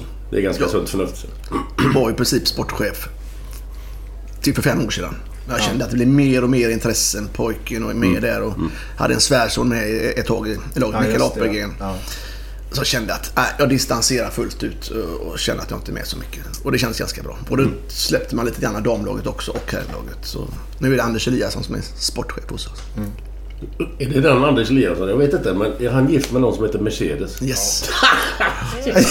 Glenn, gör nöjd. Ja, ja, fan, jag kommer ihåg vi hade honom i ett program en gång. Det hette TV21, kommer du ihåg det? Ja, ja, ja. Som låg nere vid Anders Perssonsgatan, Ja, ja, där vid ja. Ullevi. Ja.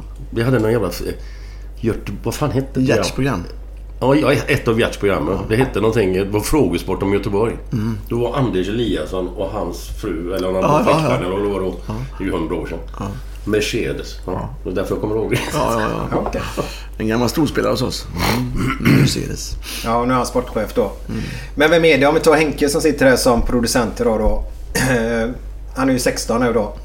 När han kommer upp sen, han vill ju gärna upp i alla fall. Sen om det kommer dit eller inte, det är ju en annan sak. Men vem, vem är det som förhandlar med ungdomarna idag? Vem, vem är det? Är det tränaren som bestämmer eller hur funkar det? Kan du berätta lite grann för mig? Jag som inte vet. Nej, men det, då är det så egentligen att eh, mest att säga till om var givetvis tränare och sportchef.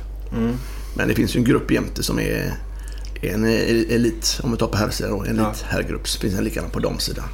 Och där snackar man ju och tittar på det. Pratar med juniortränare. Snackar sig samman hur det ser ut. Vilka spelare kommer utifrån? Vilka är talanger underifrån? Hur ska man komponera ihop laget? Så det blir, det blir väl en grupp som tar det. Men de tyngsta är givetvis Anders Eliasson eh, Ja. ihop med, eh, med, med, med tränaren. Hur går det med, om man säger, nyförvärv utifrån? man säger, som inte kommer från era egna led. Mm. Hur, eh, vem, vem är det? Är det sportchefen som sköter sånt? Eller vem, vem Ja, det är den? sportchefen och eh, tränare där också. Ja. Eh, men nu är det ju så precis på fotbollssidan att det är ju... Alla spelare nästan är ju, har ju någon form av agent. Från Ja, man är, ju- i handbollen. är uppe i juniorlandslaget ungefär. Va? På gott och ont eh, på något sätt. Så de sitter ju i... Ligger i olika korgar hos agenter och vem ska spela här och där och man knyter upp sådär. Okej. Så det är... Ja, för oss, eh, jag känner att det, det är lite grann på, på, på, på gott och ont. Ja. Men har ni, eh, har ni bättre... För det jag har hört om hockeyn så är det ju katastrofalt. Alltså, de bestämmer ju allting där borta i NHL. Ja. Hur är det i handboll? Har ni, ligger ni också där så att ni får stå vo, vo, vo till stora klubbar ute i Europa? Eller har ni någonting att säga till om det när det gäller försäljningar? Och... Nej, det, fin- det finns bara en fotboll som har ett bra system. Eller det finns bara en, en idrott som har ett bra system. Det är fotboll. Mm. Där men det finns förståelse för att, försäljning går vidare. Och Ja, exakt. Sen har du ju, värst, värst av alla har ju egentligen hockeyn som ser att det är miljarder i omsättning borta på- andra sidan Atlanten och man får ingenting för det arbete som görs. Ja, jag har hört all, alltså, alla de här talangerna som släpper iväg där. Därför undrar jag hur fan det är i handboll. nej, Och handbollen är så här att i handbollen nu skulle vi mycket väl kunna kopiera fotbollens system och det finns. Men det efterlevs inte. Därför att handbollsspelare i Sverige, och det säger jag med en personlig uttryck, skriver inte på så långa kontrakt. Man är inte så solidarisk med sin klubb. Och kan inte se sin klubb få de här transfersummorna tillbaka. Utan då blir det pengar till agenter istället och det blir mer i egen ficka. Så det hade eh, känts bättre faktiskt att eh, vi liknade fotbollen mer på den delen. Och att vi kunde undvika Bosman så mycket som möjligt. Ut. Men Bosman är ju då, kan man förklara, att det är ju när kontrakt går ut så kan du, då går du gratis. Mm. Eh, förr i tiden fotbollen blev man ettårsfall då. När man Precis. ett år efter det då. Precis. Så man inte kunde spela om inte klubbarna kom överens då. Men i handboll, om man har kontrakt en spelare så måste väl andra föreningen köpa den spelaren av er till exempel då. så är det. Det måste säger vara. Kiel kommer och ska köpa någon spelare. Får, får ni bra betalt då? Är det Tyskland som har mest pengar eller vad är det mest pengar där? Tyskland är som mest pengar ja. Och eh, sen är det vissa öststatsländer nu som nischar upp sig. Det tidigare var det Spanien och Asobal som ligan hette den. Ja. Och nu kommer franska ligan upp med Paris Saint-Germain och det här också. Så att det är lite... Men öststatare sa du, vilka är det då? Ja, det finns mycket pengar i, i Öststaterna. Vissa delar av Ungern, eh, Balkanländer. Det, det finns starka klubbar. Pol, Pol, Polen just nu som blev eh, Champions League-mästare. Kielce. De, de, eh, Det finns mycket pengar i vissa städer. Vad... Vad, eh, vad, vad ska man säga? En, en riktigt bra svensk handbollsspelare, landslaget och mm. stjärna liksom. Vad, vad skulle man kunna få för en sån spelare om man säljer honom till Tyskland? Vad gick Lukas Nilsson för? Han är väl bra? Ja, Ja. jättebra. Nej, men, jag tror att han gick jag tror att han gick eh, Bosman och att, det, och att det är ett utbildningsbidrag. Och det är det som är tråkigt att tyska klubbarna och agenterna väntar ut så att de helst ska kunna gå de år de fria. Och vi har försökt undvika det i Sävehof. Vi hade några bra år när vi hela tiden släppte spelarna året innan. Men eh, vi blev nästan motarbetade av våra- våra egna svenska klubbar nu för att, för att vi eh, gjorde så, skrev så långa kontrakt. Eh, men det finns ju summa fall som max tror jag är 6-7 miljoner som handbollsspelare har gått för i Europa. Och vi har som mest fått eh, 600 000 för en spelare. Det är ju fan inte klokt alltså. Nej. Vi var erbjudna en gång för Kim Andersson av Kiel en miljon kronor. Det var när han var på väg upp. Kim Andersson. Men då hade vi precis blivit svenska mästare. Skulle spela Champions League första gången. Och då pratade vi med Kim. Och en miljon var mycket pengar för oss då. Men hade vi jobbat då i 30 år för att nå den positionen så kändes det ju fel att inte försöka visa att vi ville Ja, ta position i Europa. Så då tackade vi nej det året. Men annars är det utbildningsbidrag mycket. Några hundratusen hit och dit. Okej. Vad tjänar en toppspelare i, i, ute i Europa idag? I Europa där pratar man ju mycket nettopengar men jag skulle i alla fall tro att toppspelare där tjänar en... Eh, två, tre, fyra miljoner, två, tre, fyra miljoner netto. Och då pratar vi toppklubbar i Tyskland nu då eller? Tyskland ja. Eh, Spanien. Vissa delar av Polen, eh, Ungern. Ja. Frankrike, Paris Saint-Germain. Några danska klubbar betalar riktigt bra också. Det är danskarna, inte det? Väl, betalar de bra på damsidan eller? Ja, Halsen har gått förbi damsidan nu där. Tidigare var ju damerna i Danmark, går tio år tillbaka så hade du damspelare lika mycket betalt som en hockeyspelare i Sverige. Eller en fotbollsspelare i Sverige. Oj. Sådana summor var det. Helt Men vad, vad, vad kommer de pengarna ifrån? Var får de så mycket pengar ifrån? Ja, det frågar, frågar vi oss också. Men det var det bra reklamavtal. Det var bra tv-avtal. Ehm, och i Danmark, där, där, där är ju fotboll nummer ett. Det finns ingen ishockey. Där är handbollen definitivt nummer två. Och då var damhandbollen med OS och allt detta. Ja, de det blev liksom deras hockey kan man säga på vintern. eh, Skulle jag säga. Så alla pengar samlades där då. I vilken klubb är det Bella spelar nu? Och spelar i Bukarest. Ja, det är Bukarest. Ja. Ja. Där nere finns det också Där finns det också mycket pengar. De har... eh, just i damerna då eller? Just i damerna ja. Ja. Den klubben har en budget på, bara, nästan bara laget en budget på runt 50 miljoner sägs det. Men de är sponsrade av stan. Så han som eh, värvade henne var ju borgmästare själv. Och det finns 12 borgmästare. Han var överborgmästare. Men sen åkte han i fängelse tre månader senare. Så en annan borgmästare tog över den biten. Så där är ju politiska pengar som man säger det. Och också de kämpade mot då. När ryssarna kom upp med tillfälliga lag och, och, Ja, då det kom upp. Alltså, då, då är det politiska pengar. Så det är inte bara att kämpa mot det svenska skattesystemet. Nej. Där det är liksom eh, sociala avgifter på 33 procent på alla nu. Så vi åker ju på i Sävehof mellan 700 och, och 1000 till en miljon på grund av att man ökade arbetsgivaravgiften från 15-16 procent på ungdomar upp till eh, 33 procent. Okej. Och det var ju tufft. det Det, var det, det, skedde ju i årsskiftet nu. Ja, Okej. Ja. Men det stämmer det där med... Det här Kuwait. Vad hade de? VM? OS? Vad fan hade de? Men Ka- lite OS. Qatar? Qatar, Ja, förlåt. ja. Men allt de här... De hade köpt hejaklackar, de hade köpt spelare. Liksom, Det var ingen jävel som spelade för Qatar utan de kom ju alla utifrån. ja, alla utifrån i princip. De hade väl eh, tre, fyra egna inhemska spelare. Och det är ju, det är ju, det är ju ett rötet system. Hur fan kan det funka? Jag begriper inte det alltså. Nej. Det roligaste är fotbolls-VM skulle läggas där också. Ja, det var ju mer. Det var ju massa andra stora... Var det friidrott eller var det... Ja, i slutändan söker Qatar, Qatar, har varit många gånger. De då för fan fem, sex jättearrangemang ju. Fotboll är nästa då som är beslutat. Ja. Sen eh, i slutändan, varför man... Eh, handboll först och de lite andra, cykling och allting de haft där. Så är fotboll i nästa megastora. Sen är det OS då som man hoppas på längre. Så landet håller på att formas om på mycket sätt. Kvinnors rättigheter, de har lagidrott för, för tjejer och allt. Det går ju sakta, det går inte att göra för snabbt där borta för att försvara dem lite grann. Men, men de vill ju det i slutändan. Men det med handbollen där var ju för jävligt. Men de utnyttjade en lucka, Qatar. Men de största bovarna är faktiskt européerna. För de har också gjort om pass. Tyskarna har gjort om många pass på, på, på, på, på lacker och de runt omkring. Spanjorerna har gjort om eh, från öststatsländerna, gjort om passen. Och där är det två, tre spelare som gör om. Nu använder Qatar det fullt ut. Alla är förbannade när de åker därifrån för det ska inte gå till. Så åker vi hem och har omröstning. Vad händer på omröstningen? Jo, blir nedröstat. Så det är handbollsfamiljen själva som får skylla sig att, att det är så här. va.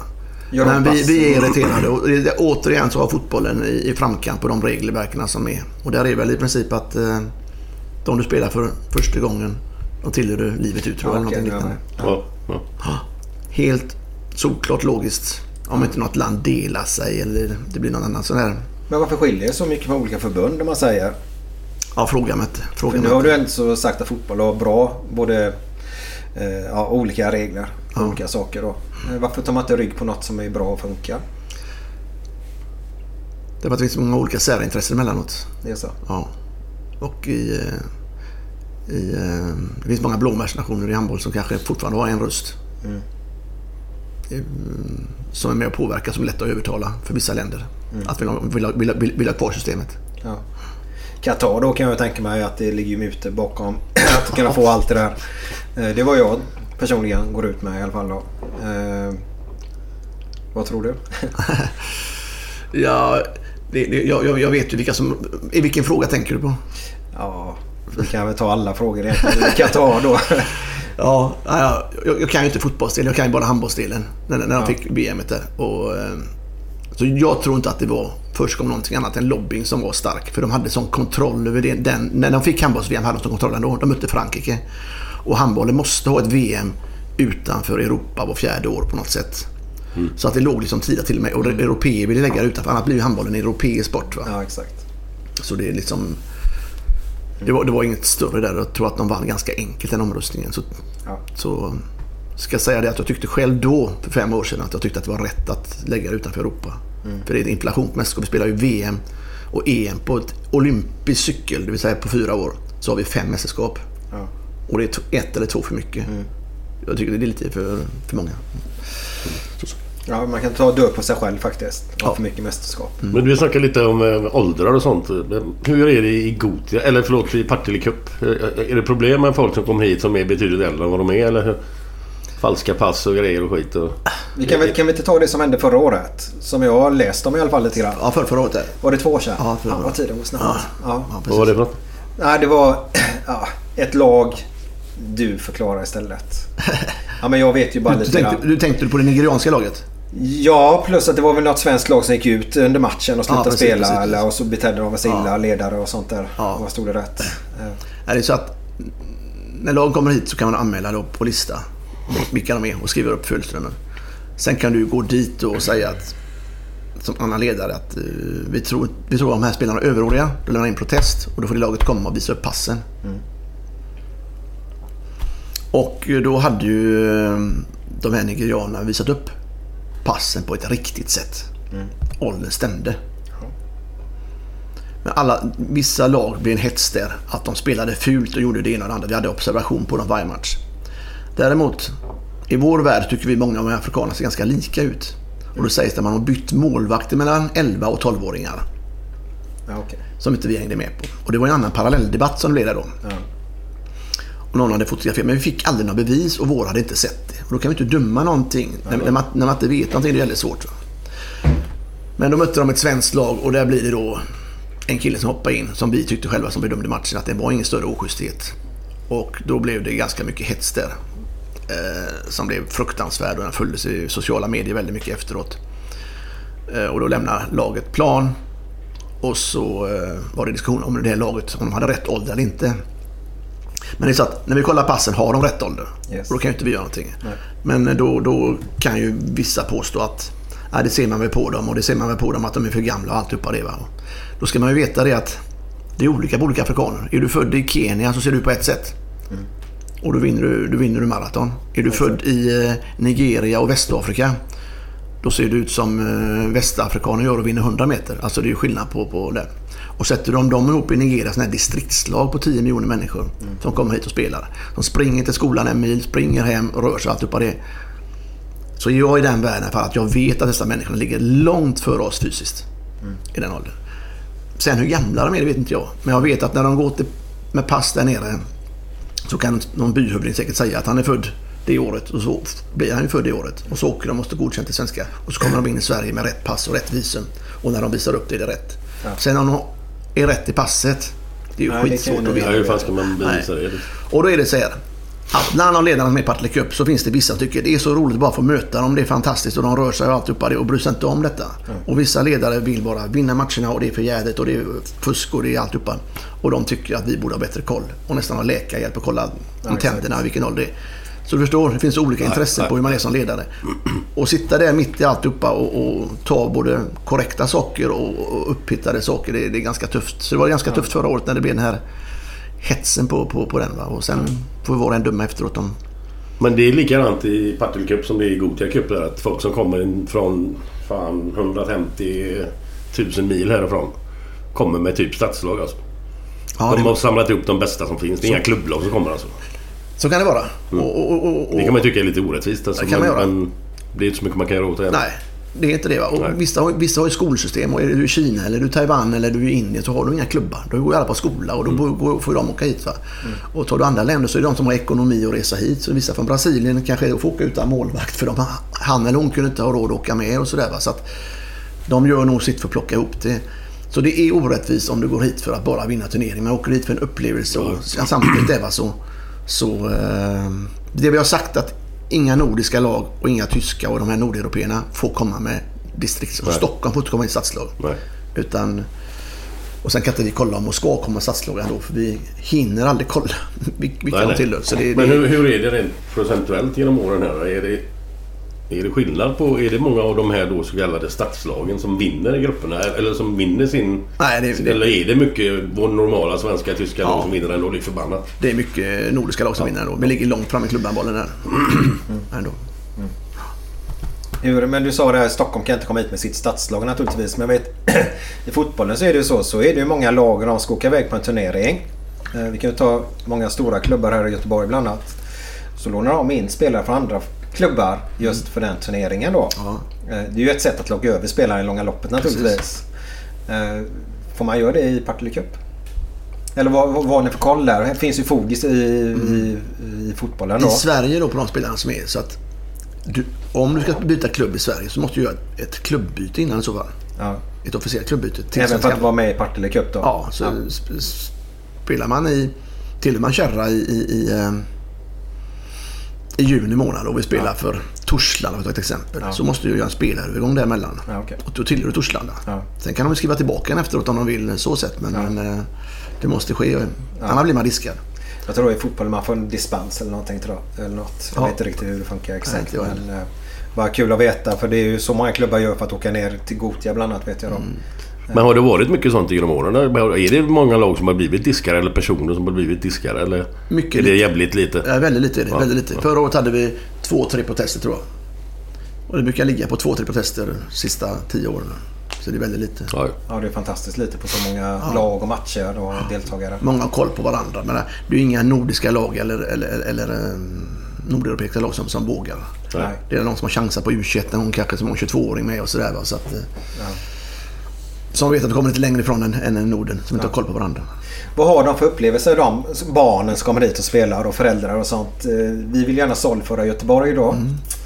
Eh, vad, är, vad får ni för reaktioner efter kuppen är klar? Får ni mail och sånt eller är det helt tyst? Eller får ni bara klagomål? Eller hur ser det ut? Hur upplever folk det att vara här nere och spela sin handboll?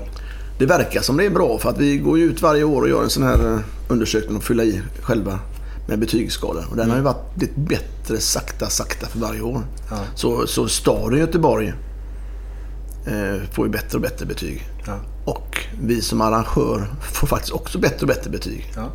Så det, det, det, det, går, det går sakta framåt. Sen kan det vara att det är en regnig Partille Cup, ja då går planerna ner och då är domarna sämre och sådär. Ja. Och, och, och, Humöret blir sämre på alla. Ja, och så kan det vara någon tillfällighet i någon restaurang att eh, något tillfälligt stopp och så kommer man ihåg väldigt mycket att maten var inte bra vid det tillfället och så går betyget ner och sådär. Men det är ju tillfälliga saker men generellt så går det sakta, sakta uppåt och det är vi väldigt glada för. Och det ser vi ju för återkommande lag, det är ju vårt bästa betyg. Återkommande lag, är, den eh, graden blir större och större varje år. Ja.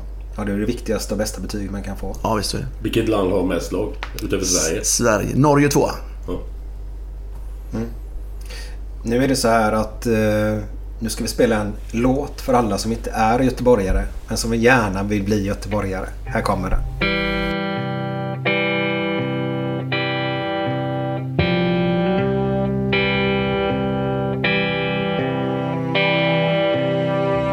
Fem på morgonen i New York City går en man i en sliten gammal hatt.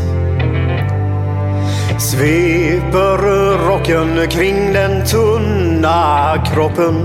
Huttrar till, det har varit kallt i natt. Ser en strumpa sticker ut ifrån hans sko. Vandrar vidare men utan framtidstro. Fem på morgonen i Hallonbergen står en kvinna med gråten i sin hals. Tittar håglöst in i morgonsolen. Hon är trött, hon har inte sovit alls. Två av fem miljarder människor på vårt klot. Men mot deras ångest finns det ingen bot.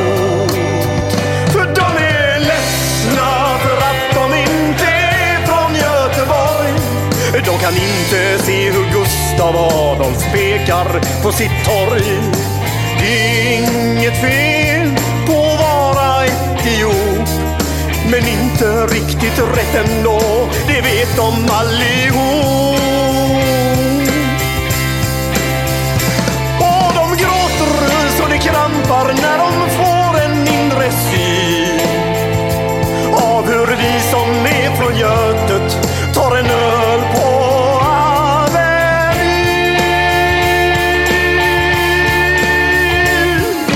En fotbollskille får sitt genombrott och snackar proffskontakt med fem italienska klubbar.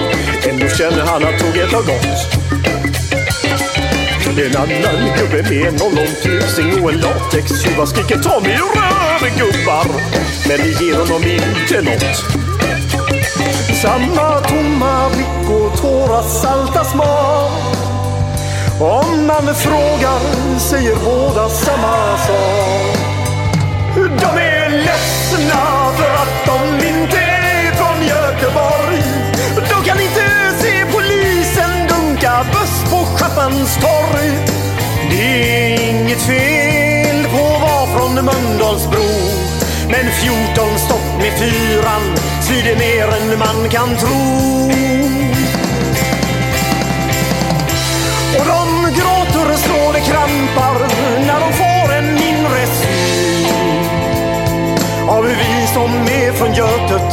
Har vi vi som är från Sådär ja. Götet? Eh, ni som kommer till Göteborg är alltid välkomna här i Göteborg. Eh, men Stefan, du sa att du hade varit i Sydafrika och träffat Mandela. Ja, ja. Det hade jag förmånen att vara 1993 på ett studiebesök. Det var precis när eh, det var på väg att gå över från apartheidregimen till eh, det Sydafrika vi har i nuläget. Ja. Och eh, Nelson var frigiven där i några år och fick vara med på hans eh, presidentkampanj. Oj. Åkte ut eh, en hel dag där med, med, med honom. Det är fantastiskt. Och då var han i ett färgat område. Det var mycket Ja. asiater i, i det området. Och då hade ju alla klätt upp sig och gick där i kostym och fräckt alltihopa. Och, och, och, och, ja, det bästa jag kunde göra. Och det var societeten bland svarta och färgade som, som var där. Och då kommer han i kortege med bevakning och alltihopa. Och ur den här bilen kommer då Mandela och väntar sig. Han går väl där i frack och plommonstop nästan. Då kommer han ut i en grön gammal overall, ungefär som man kände från DDR ungefär. Går han ut dansande där va, till folket. Och det var ju en ruskig upplevelse. Va? Och vi fick gå in då, jag var där med, eh, med eh, Ulf Karlsson, fotbollsförbundet, Eilert var med från fotbollens sida där och så eh, eh, var det Proletären och så var det från basketens sida, Kikki var med bland annat. Johansson. Ja, och jag var på handbollssidan då. Och då eh, eh, satt vi där och fick honnörsbordet. Och så kom han och pratade med oss sen. för Han hade hunnit ta åt alla vad han ville med sin politik och det ena och det andra. Och kom fram där och då skulle han ju få Nobelpriset sen. Fredspriset. Eh, då i de- december där. Och frågade om det var kallt väder och alltihopa vad vi gjorde här. Och han gillade Sverige och pratade om att han gärna ville ha den svenska synen. Och Sverige har hjälpt ANC mycket på den tiden så han var väldigt tacksam för det Sverige hade bidragit med. Och, Så det har vi bilder och, och, och video från det. Var i Sydafrika var detta? Detta var i Johannesburg. Ja. Sen startade vi upp ett projekt efteråt och då var vi och jobbade med, med, med i Soweto, de här tuffa townshipsen, gettorna som, som, som är där nere då i tre, fyra års tid efteråt. Så vi startade upp handbollen där nere från vår sida. Fotbollen fanns ju redan. Basketen fanns ju. Men, men vi var pionjärer på handbollssidan och gick från några få vita till att bli tiotusentals svarta som var ute och besökte skolorna. Så det blev ganska snabbt eh, växande. Häftigt. Men vad gjorde ni där nere? Då åkte vi med med ledare och instruktörer och låg på en camp. Och så åkte vi in i områdena. Ja, men jag tänkte när du träffade Mandela. Ja, då var det ju lite research. Och då besökte vi första gången den eh, första icke-rasistiska kongressen då. Där vita och svarta för första gången träffades. Eh, olika idrotter. Så alla, alla nationsförbunden var ju med på samma kongress. Wow. Och där kände man ju att, eh, ja, jag träffade många vita som gick och pratade och man såg ju att det hade funnits spänningar, något så kolossalt. Va? Och Ja, många det? gjorde lite små fuck you-tecken till oss, liksom, hur vi kunde gå över på den svarta sida. Och, Nej. och det var det. Var, det, var det. Vara sånt. Fan, nu. Då kände vi oss Ja, från vissa. Vissa vita var helt välkomna. Äntligen har det skett och tack för det. Va? Men det fanns ju vissa då från lite mer konservativ, konservativa sporter som liksom inte kände för den här förändringen alls. Och liksom, eh, nej, nej, det var, Ja, men det var tufft annorlunda. där i var, Sydafrika på den tiden. Ja, det var tufft. Vilket år var detta sa du? 93 va? 93 var det, 93, december ja, 93. okej. Så häftigt att få uppleva detta. Ja, det var fantastiskt. Det var ju kanske det största minnet i livet. Ja, det är så. Ja, det är nog... Få ta Nelson Mandela i handen, det, det, det är inte många som har gjort. Nej. Nej. Det är stort. Ja. Men du, nu ska vi gå över till nästa grej och det är Partille Arena. Eh, för de som inte vet där ute så bygger Partille kommun en stor, stor fin arena här i Partille kommun för kostnad Stefan? Ja, eh, jag tror att, eh, jag kan ju inte alls om siffrorna, men runt 450 miljoner och bokförda värde kanske på någonstans 300, något sånt. Ungefär de storleksordningarna. 450, nu hänger inte jag med eftersom inte jag kan sånt där då. 450 miljoner bokförda värde, 300 miljoner, vad är skillnaden? Jag tror man har sålt lite grejer runt omkring för att få ner värdet på, på Ah, fastigheter okej. runt omkring med, med tomter och alltihopa runt omkring. Ja, okej. Ja. Ja. Men det är bara storleksordningar nu så ingen hoppar på mig för det. Nej, nej, nej, nej. Det är, det är inte så noga. Nej, jag tänker inte på dig. Jag tänker på Lyssnarna. ja, men då, får- då, då får de klia sig i naveln och slappna av ja. lite grann. Ja, det det är bara siffror ändå. Eh, men ni ska flytta in där i september är det va? ja, vi har flyttat in med kansliet Ja. i förra veckan. Varför görs denna satsning i Partille nu? Kan du berätta lite grann? Partille har ett stort tänk med hela det området som kallas för gamla Darostomten där som ligger egentligen från Allum och bort till eh, motet Ja. McDonalds där. Så, eh, så har det varit ett in- stort industriområde som har legat nere. Det har varit öde. Och man har väntat bara på att det ska hända någonting där. Så i den planeringen ligger ju att bygga upp en ny en stad i, i, i Partille så att Partille blir en förstad till, till Göteborg. Och där kommer ju då byggas upp mot 1200-1300 lägenheter. Volymhandel då. Eh, Coop, eh, Biltema, Elgiganten, vad kan det vara för någonting. Ja. Och för att sätta det här på plats då lite grann så vill man gärna ha en arena. Och det är ju ingen eh, handbollsarena på något sätt utan det är ju en, en, en eventarena. Yes. Så det kommer ju ske många, många mer saker än, än just handboll. Men vi i handbollen kommer att vara största hyresgäster säkert. I och med att vi spelar 40-45 hemmamatcher om året så blir vi Ja. största hyresgästen. Så kommunen bygger och betalar den och äger den då? Så ni behöver inte gå in eller äger ni också Nej, vi har inga, delar i det. Nej. Nej.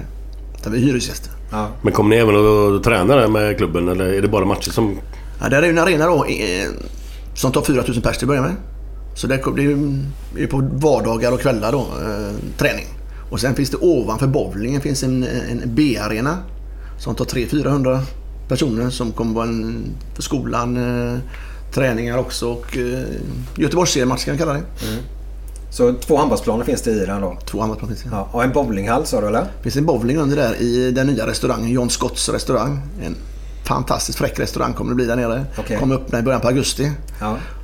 Där blir det då både fine dining och det blir eh, sportsbar. Ja, jag skulle sagt det. Kommer det bli en sportbar eller? Sportbar, ja. Stor restaurang är det och riktigt fint eh, inre där efter John Scotts eh, Ja. konceptet. Och det blir bowling också. Modernaste bowlingbanorna som vad jag förstår finns. ja. Hur många barnen blir det? Har du koll Tolv. på det? 12? Tolv. Ja. Och ett Det kommer bli ungefär som fast ett, ett upp... Eh, vad ska man säga? Nyrenoverad Vallala då eller? Det är ju typ samma... samma det är handboll, par hallar och så bowling och Ja, ja, precis. Så, Fast så mycket fräschare då naturligtvis. Jag skulle tro det. Och man är samma, samma, samma tänk. samma Ja, precis, precis, precis. Ja. Och ni kommer husera där och naturligtvis så har ni ju stora förhoppningar på den här arenan med er förening då. Att utveckla er förening ytterligare ett steg då eller? Ja, det är det. Men en elitverksamhet har vi inte kunnat ta några steg tidigare utan vi har ju landat där vi varit. Ja. Så nu har vi då satt till en tuffare marknadsorganisation. Så nu hoppas vi på dubblade publiksiffror både damer och herrar. Ehm, Vi, ehm, Ni hoppas på det? Hur... Alltså hur... ja, vi, vi jobbar ju för det. Vad gör man då? premiär, premiär, ja, vi, eh, premiären då är 17 september, kommer jag till Glenn strax där. 17 september är premiären, damer och herrar.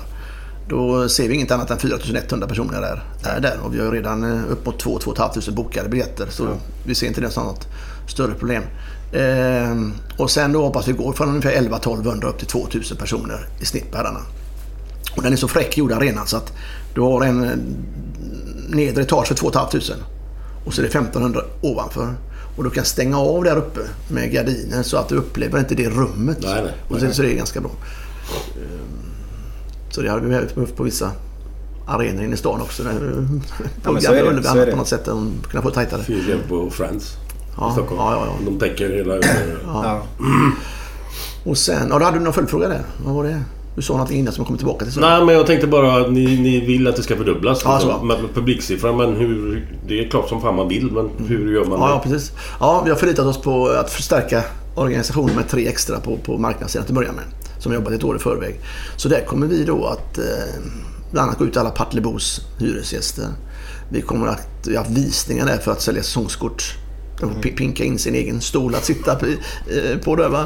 Och eh, sen kommer vi gå ut till idrottsklubbar, handbollsklubbar runt omkring med nya koncept, nya erbjudanden. Och så hoppas vi då att nyhetens behag första åren gör att det drar extra folk. Ja, så är det. Och sen hoppas vi att kunna spela en attraktiv handboll så att det också för med sig någonting. Ja.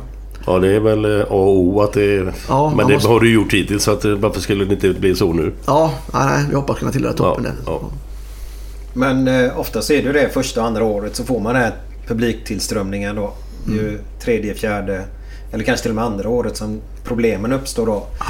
För det var ju mycket snack om eh, Gamla Ullevi då som är nybyggt då. 09 var det va? Eh, bara vi får en ny arena i stan så får vi fullt, sa ju alla. Punkt slut. Det var ingen diskussion. Sen fick de en ny arena och det blev inte fullt ändå. Eh, här nere tänker jag lite grann. Är ni oroliga för det? Att ni inte, eller ser ni... Om man säger, hur går snacket på, på kansliet? Ser ni positivitet eller är det något orosmoment? Eller? kansliet är nog kanske lite färgat av, av mig där på något sätt. Va? Men det finns ju, jag är en sån människa så att många säger det ordnar sig, det löser sig och vi är optimistiska. Jag är ungefär tvärtom Ja. i hela mitt liv och det är kanske är jobbigt att leva med det men jag utgår alltid från att allting går åt helvete. Så. och, och i och med att man inte vill att det ska gå åt helvete så måste man alltid göra sitt bästa för att lyfta det på något Ja. sätt. Då. Så jag ser ju alltid problem eh, med de här bitarna. Och, hur- och, hur, och hur ska vi få folk dit? Hur ska vi göra det? Och det är så, vaknar man tänker man på det, när man somnar in tänker man på den frågan. Ja, men det är ju sunt. För fan, det är bättre att tänka så än tvärtom. Och Ja, så blir det åt helvete. Ja, jag tror det också. Så att alla jobbar nu med att eh, hur ska vi göra, hur ska vi göra, har vi gjort bästa, har vi gjort det och det. Jag tror att hela nu andas vi den här delen. Ehm, Mm. Så eh, vi är medvetna om att det kommer komma en morgondag. Ja. Men vi tror att hösten kommer se bra ut när det gäller publiktillströmning och framförallt första veckan. Det gäller att behålla dem sen bara kvar. Ja. Så hela första veckan här blir ju inte bara handboll utan det blir en hel, det blir en hel invigningsvecka. Ja. Alltifrån eh, Miriam Bryant eh, och, och eh, olika teman varje gång. En hälsodag och sen blir det en eh, kampsportsdag och så blir det någon eh, dansbandsdag och sådär. Så det blir fem, sex antagligen fullsatta dagar i den nya arenan. Första veckan. Första veckan. Ja. Häftigt. Du, har ni någon, från era andra, har ni någon sån här akademi som finns inom fotboll? Eh, För ungdomarna? Ja. Ja, vi, har, vi kallar vår akademi då för de som är A-ungdom och juniorer. Det är fyra åldersgrupper där.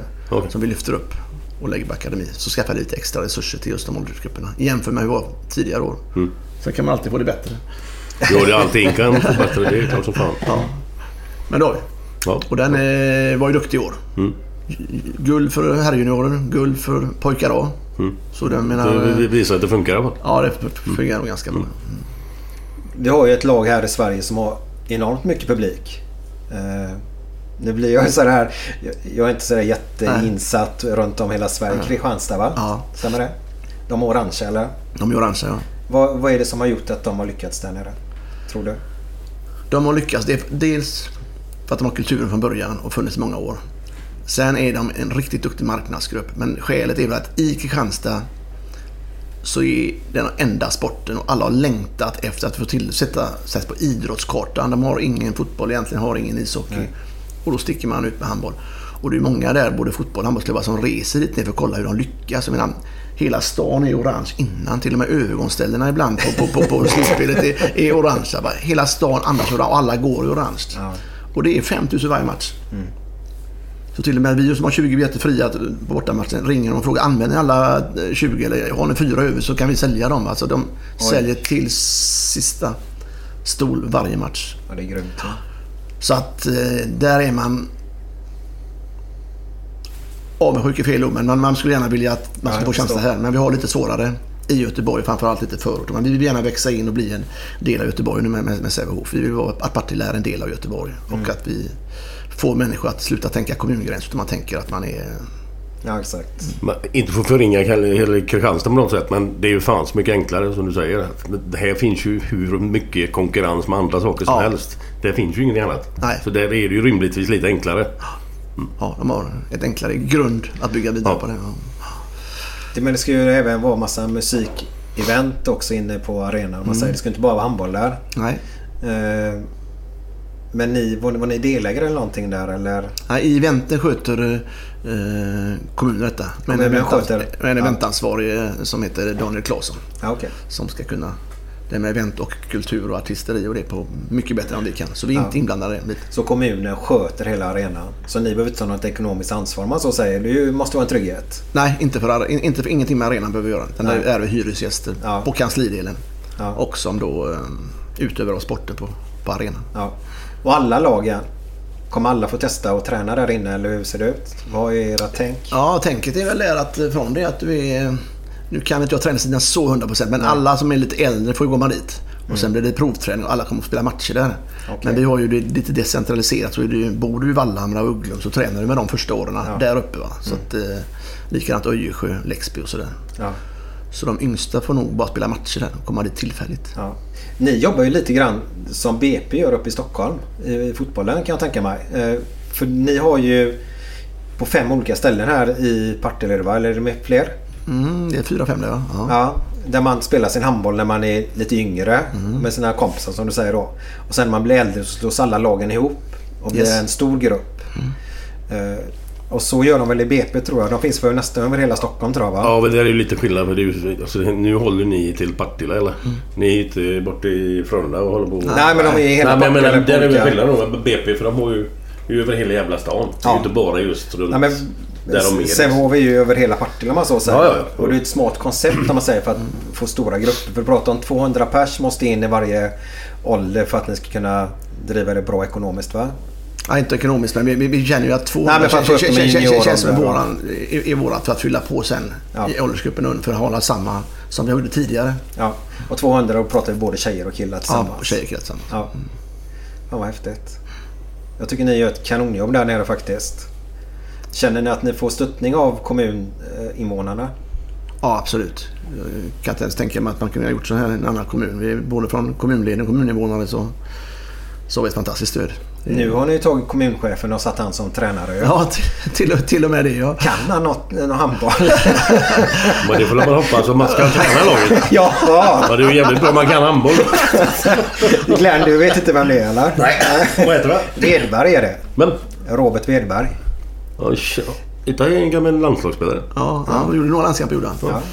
Och mycket duktig spelare. Han gjorde, han gjorde väl, var inte sjuk en match när han spelade hos oss. Gjorde väl, eh, ja, han är väl topp top fem i Sävehof på antal gjorda matcher. En, det- en linjespelare. En linjekille ja. Ja, en stor rikt- riktigt. jävla... Ja, precis. En bite ja. Riktigt duktig och en av de största profiler genom- tiderna. Så han är då tillbaka som tränare. nu. Han var tränare tidigare i Sävehof. Hade ung, tog pojk-SM. Ja. Laget till guld i år. Ja. Så han var SM-guld med Alingsås. Mm. Under år han har varit eh, borta från klubben. Så han har goda meriter och Ja. eh, var till, ja, är fortfarande landslagschef då.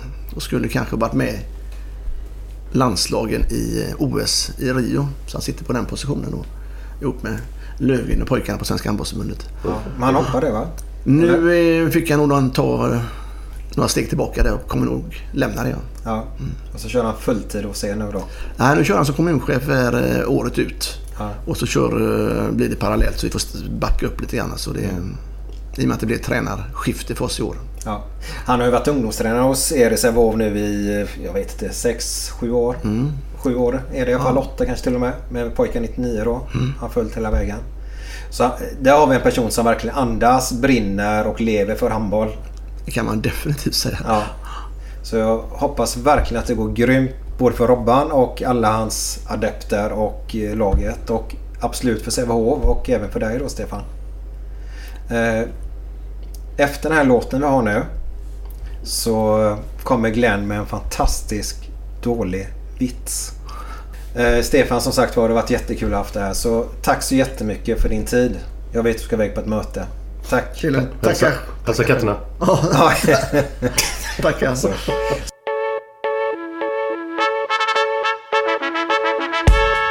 Göteborg, denna underbara plats. Åh, jag kan inte få nog utav din charm, din puls, din doft. Doft. Du är staden som får mig att le. Yeah.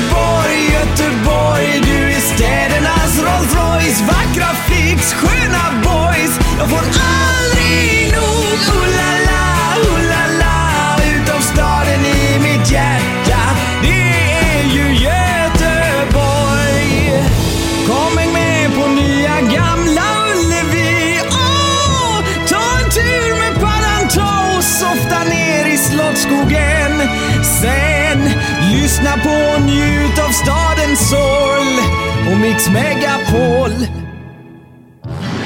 Göteborg, Göteborg, det är mina drömmars stad. Jag är kär, möt mig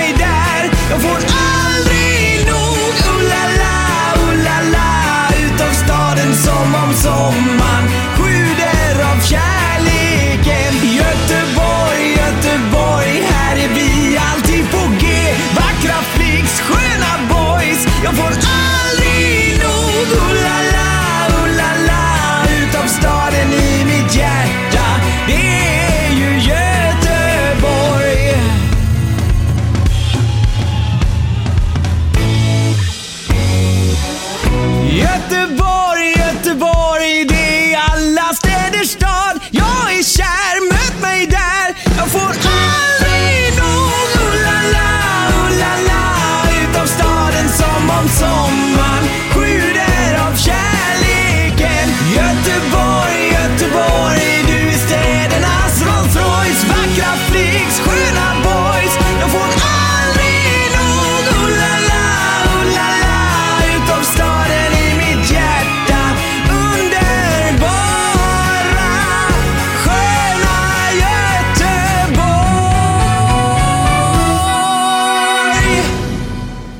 Ja, det var så här. Det var eh, pappan och sonen. De eh, stod och snackade och han skulle ut på kvällen son. Då säger farsan, du är hemma 12, inte en minut efter 12 för då får du fan, fan med utegångsförbud. Kvällen gick ju, klockan blev 12. Kom ingen. Klockan blev ett, kom ingen. Så han somnade gubben vid halv två. Så dagen efter så tar han ju pojken vid frukostbordet och säger du vad fan du skulle vara hemma 12. Du går inte hemma halv två ens en gång. Jag vet pappa förlåt men jag hade min första kärleksupplevelse igår. Jaha, sa han och blommade upp. Oho, hur gick det min son då? Nja, jag är lite ömt i röven bara. Åh fy fan vad dåligt. Ja, jag får lämna det sen. Det, verkar ju... Hej då Seva. Hej då. Hej, hej. Imagine the softest sheets you've ever felt. Now imagine them getting even softer over time. That's what you'll feel with Bowl and Branch's organic cotton sheets. In a recent customer survey, 96% replied that Bowl and Branch sheets get softer with every wash. Start getting your best night's sleep in these sheets that get softer and softer for years to come. Try their sheets with a 30-night guarantee. Plus, get 15% off your first order at bowlandbranch.com. Code BUTTERY. Exclusions apply. See site for details. Planning for your next trip? Elevate your travel style with Quince. Quince has all the jet setting essentials you'll want for your next getaway, like European linen, premium luggage options, buttery soft Italian leather bags, and so much more. And is all priced at 50 to 80% less than similar brands. Plus, Quince only works with factories that use safe and ethical manufacturing practices. Pack your bags with high-quality essentials you'll be wearing for vacations to come with Quince. Go to quince.com slash pack for free shipping and 365-day returns. When it comes to your finances, you think you've done it all. You've saved, you've researched, and you've invested all that you can. Now it's time to take those investments to the next level by using the brand behind every great investor, Yahoo Finance. As America's number one finance destination, Yahoo Finance has everything you need, whether you're a seasoned trader or just dipping your toes into the market. Join the millions of investors who trust Yahoo Finance to guide them on their financial journey. For comprehensive financial news and analysis, visit yahoofinance.com, the number one financial destination, yahoofinance.com.